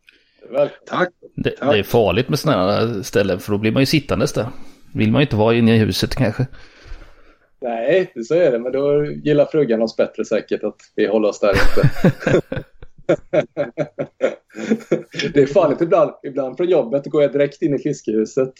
Och sen så kanske man tar en liten öl där och sen går man in igen i stora huset och då säger frugan liksom Åh vad sent du kom hem från jobbet idag. Jag har varit hemma en timme. ja, underbart. Perfekt. Mella mellanlanda ja. lite. Ja, ja. Ja, gött. Men vi, vi går tillbaka till den där, för det var ju bara topp två. Vi saknar en fisk. Det var ju, ja, var ju gäddan där och så var det ju maskin. Men vad har vi mer då? Ja, just det. Du sa topp tre. Ja. Uh, alltså, vi har ju lite blandade. Dels Arapaima såklart, det är sjukt cool alltså. Uh, sen har vi blåfina tonfisk som har varit med ett gäng år uh, i forskningsprojekt att märka tonfisk på västkusten. De är ju tillbaka i Sverige. De stora coola blåfenade tonfiskarna på 200-300 kilo stycket. Mm. Och jag med flera år i rad nu och det var först i år som jag var med när vi drog på och, och kunde landa fisk också. Liksom. Um, så det, det var riktigt coolt. Men det är svårt att välja. Men jag tror ändå jag tar röding 5,34 kilo, kilo från en liten sjö ganska nära Vättern. Så här. Um, där är liksom det finns stora rödingar där men de är extremt svåra att fånga. Uh, och det är motorförbud i sjön och, och, grejer så jag insåg att trolling är den bästa metoden. Så jag, jag drog dit tre dagar, två dagar kanske det var, jag kommer inte ihåg. Um, och så rodde jag i två dagar med, med trolling, full trollingutrustning i, fyra spön eller någonting. Uh, med djuprigg och grejer. Rodde runt i två dagar och sen så liksom på andra dagen i slutet på eftermiddagen så drar det iväg, bara sprutar ut linan ur en rulle. Liksom. Och jag drillar in den och landar den och så är det en röding på 5.34. Uh, eh, den är extremt skön att få. Ja, det är en fin fisk alltså. Ja. Riktigt grym. Ja, den, den... Det, finns, det bild på den? finns det bild på den på Instagram om man vill kika på den? Självklart. Ja. Det är, ja, den är ju det är klockrent med när man får den på sista dagen, typ på slutet när man har kämpat i så pass mycket med den. Ja, ja verkligen. Det är alltid gott att få de här fiskarna när man har lagt ner lite extra. Liksom. Så är det Det vet ni ju, vet ni ju också från era fisken. Det är de man kommer ihåg bäst. Ja. Det är de där man får efter fem minuter som man blir, de kommer man knappt ihåg. Ja just det, den har jag fått ja, det har jag glömt bort. Men de där som man ja. har fått kämpa för ordentligt, de, de släpper aldrig. Nej, är sant. Jaha, Palle. Har vi något mer eller? Ja.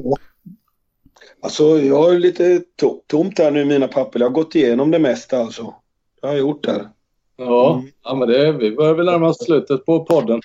Men du, Du hade något eh, Christian du sa om framtiden och så här och målsättningar. Ja, just det. Den hade jag ju. Åh, Har, Ja, där vill vi veta lite vad du har för... ja ehm, alltså jag, jag satsar lite på, jag tycker det är kul med stora fiskar av alla arter. Och jag har 16 eh, reg, reggarter nu, eh, olika.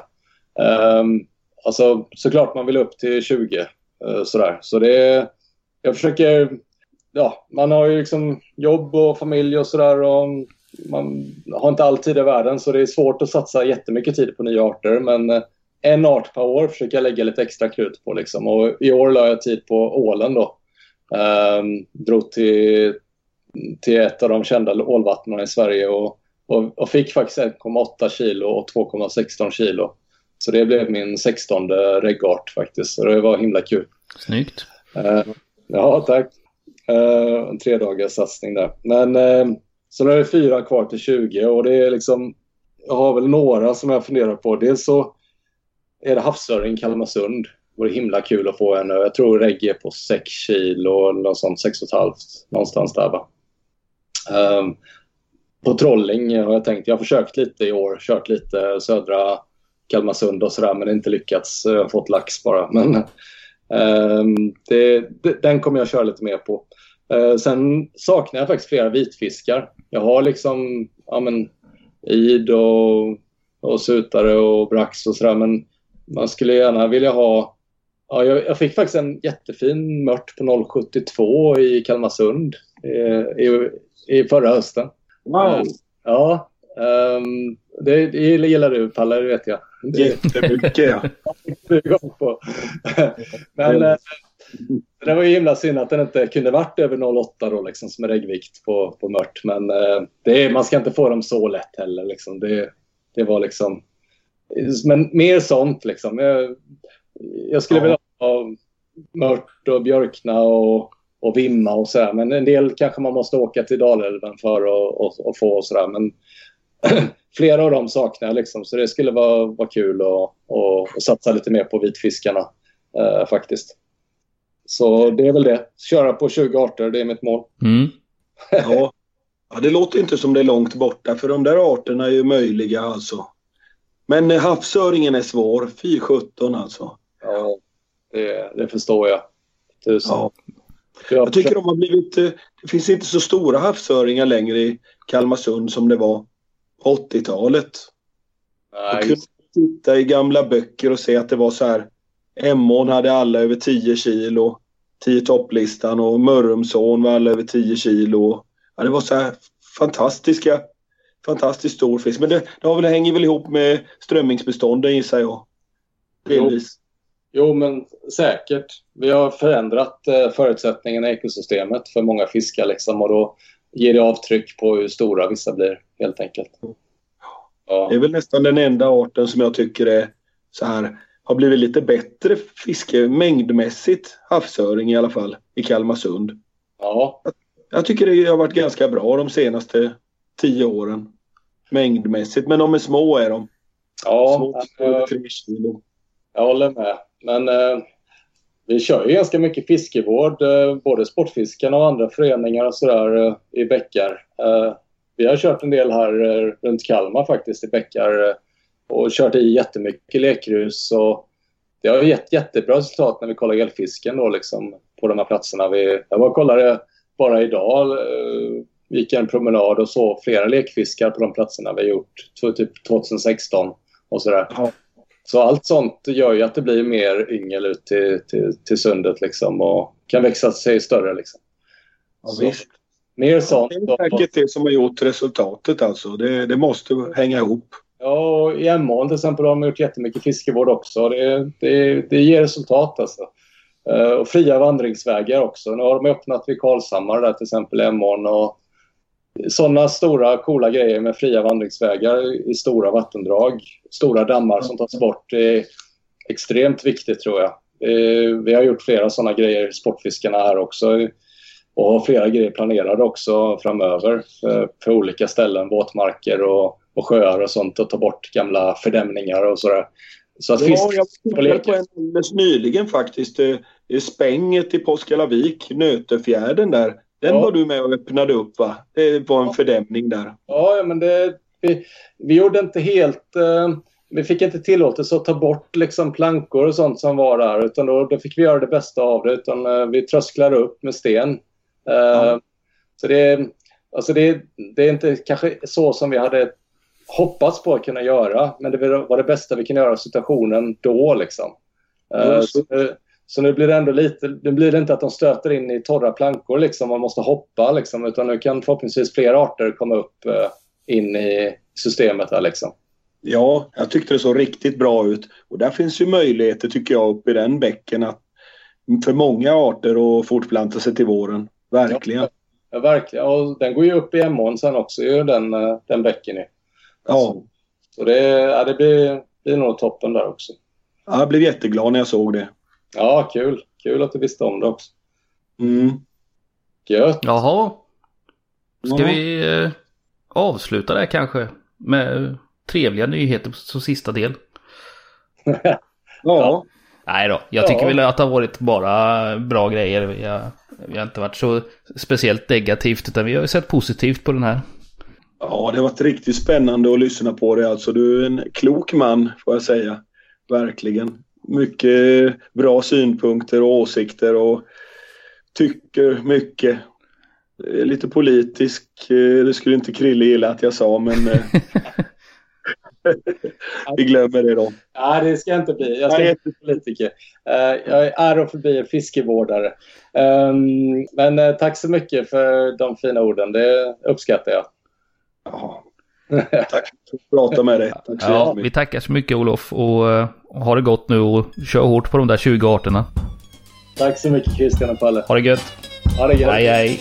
Hej, hej.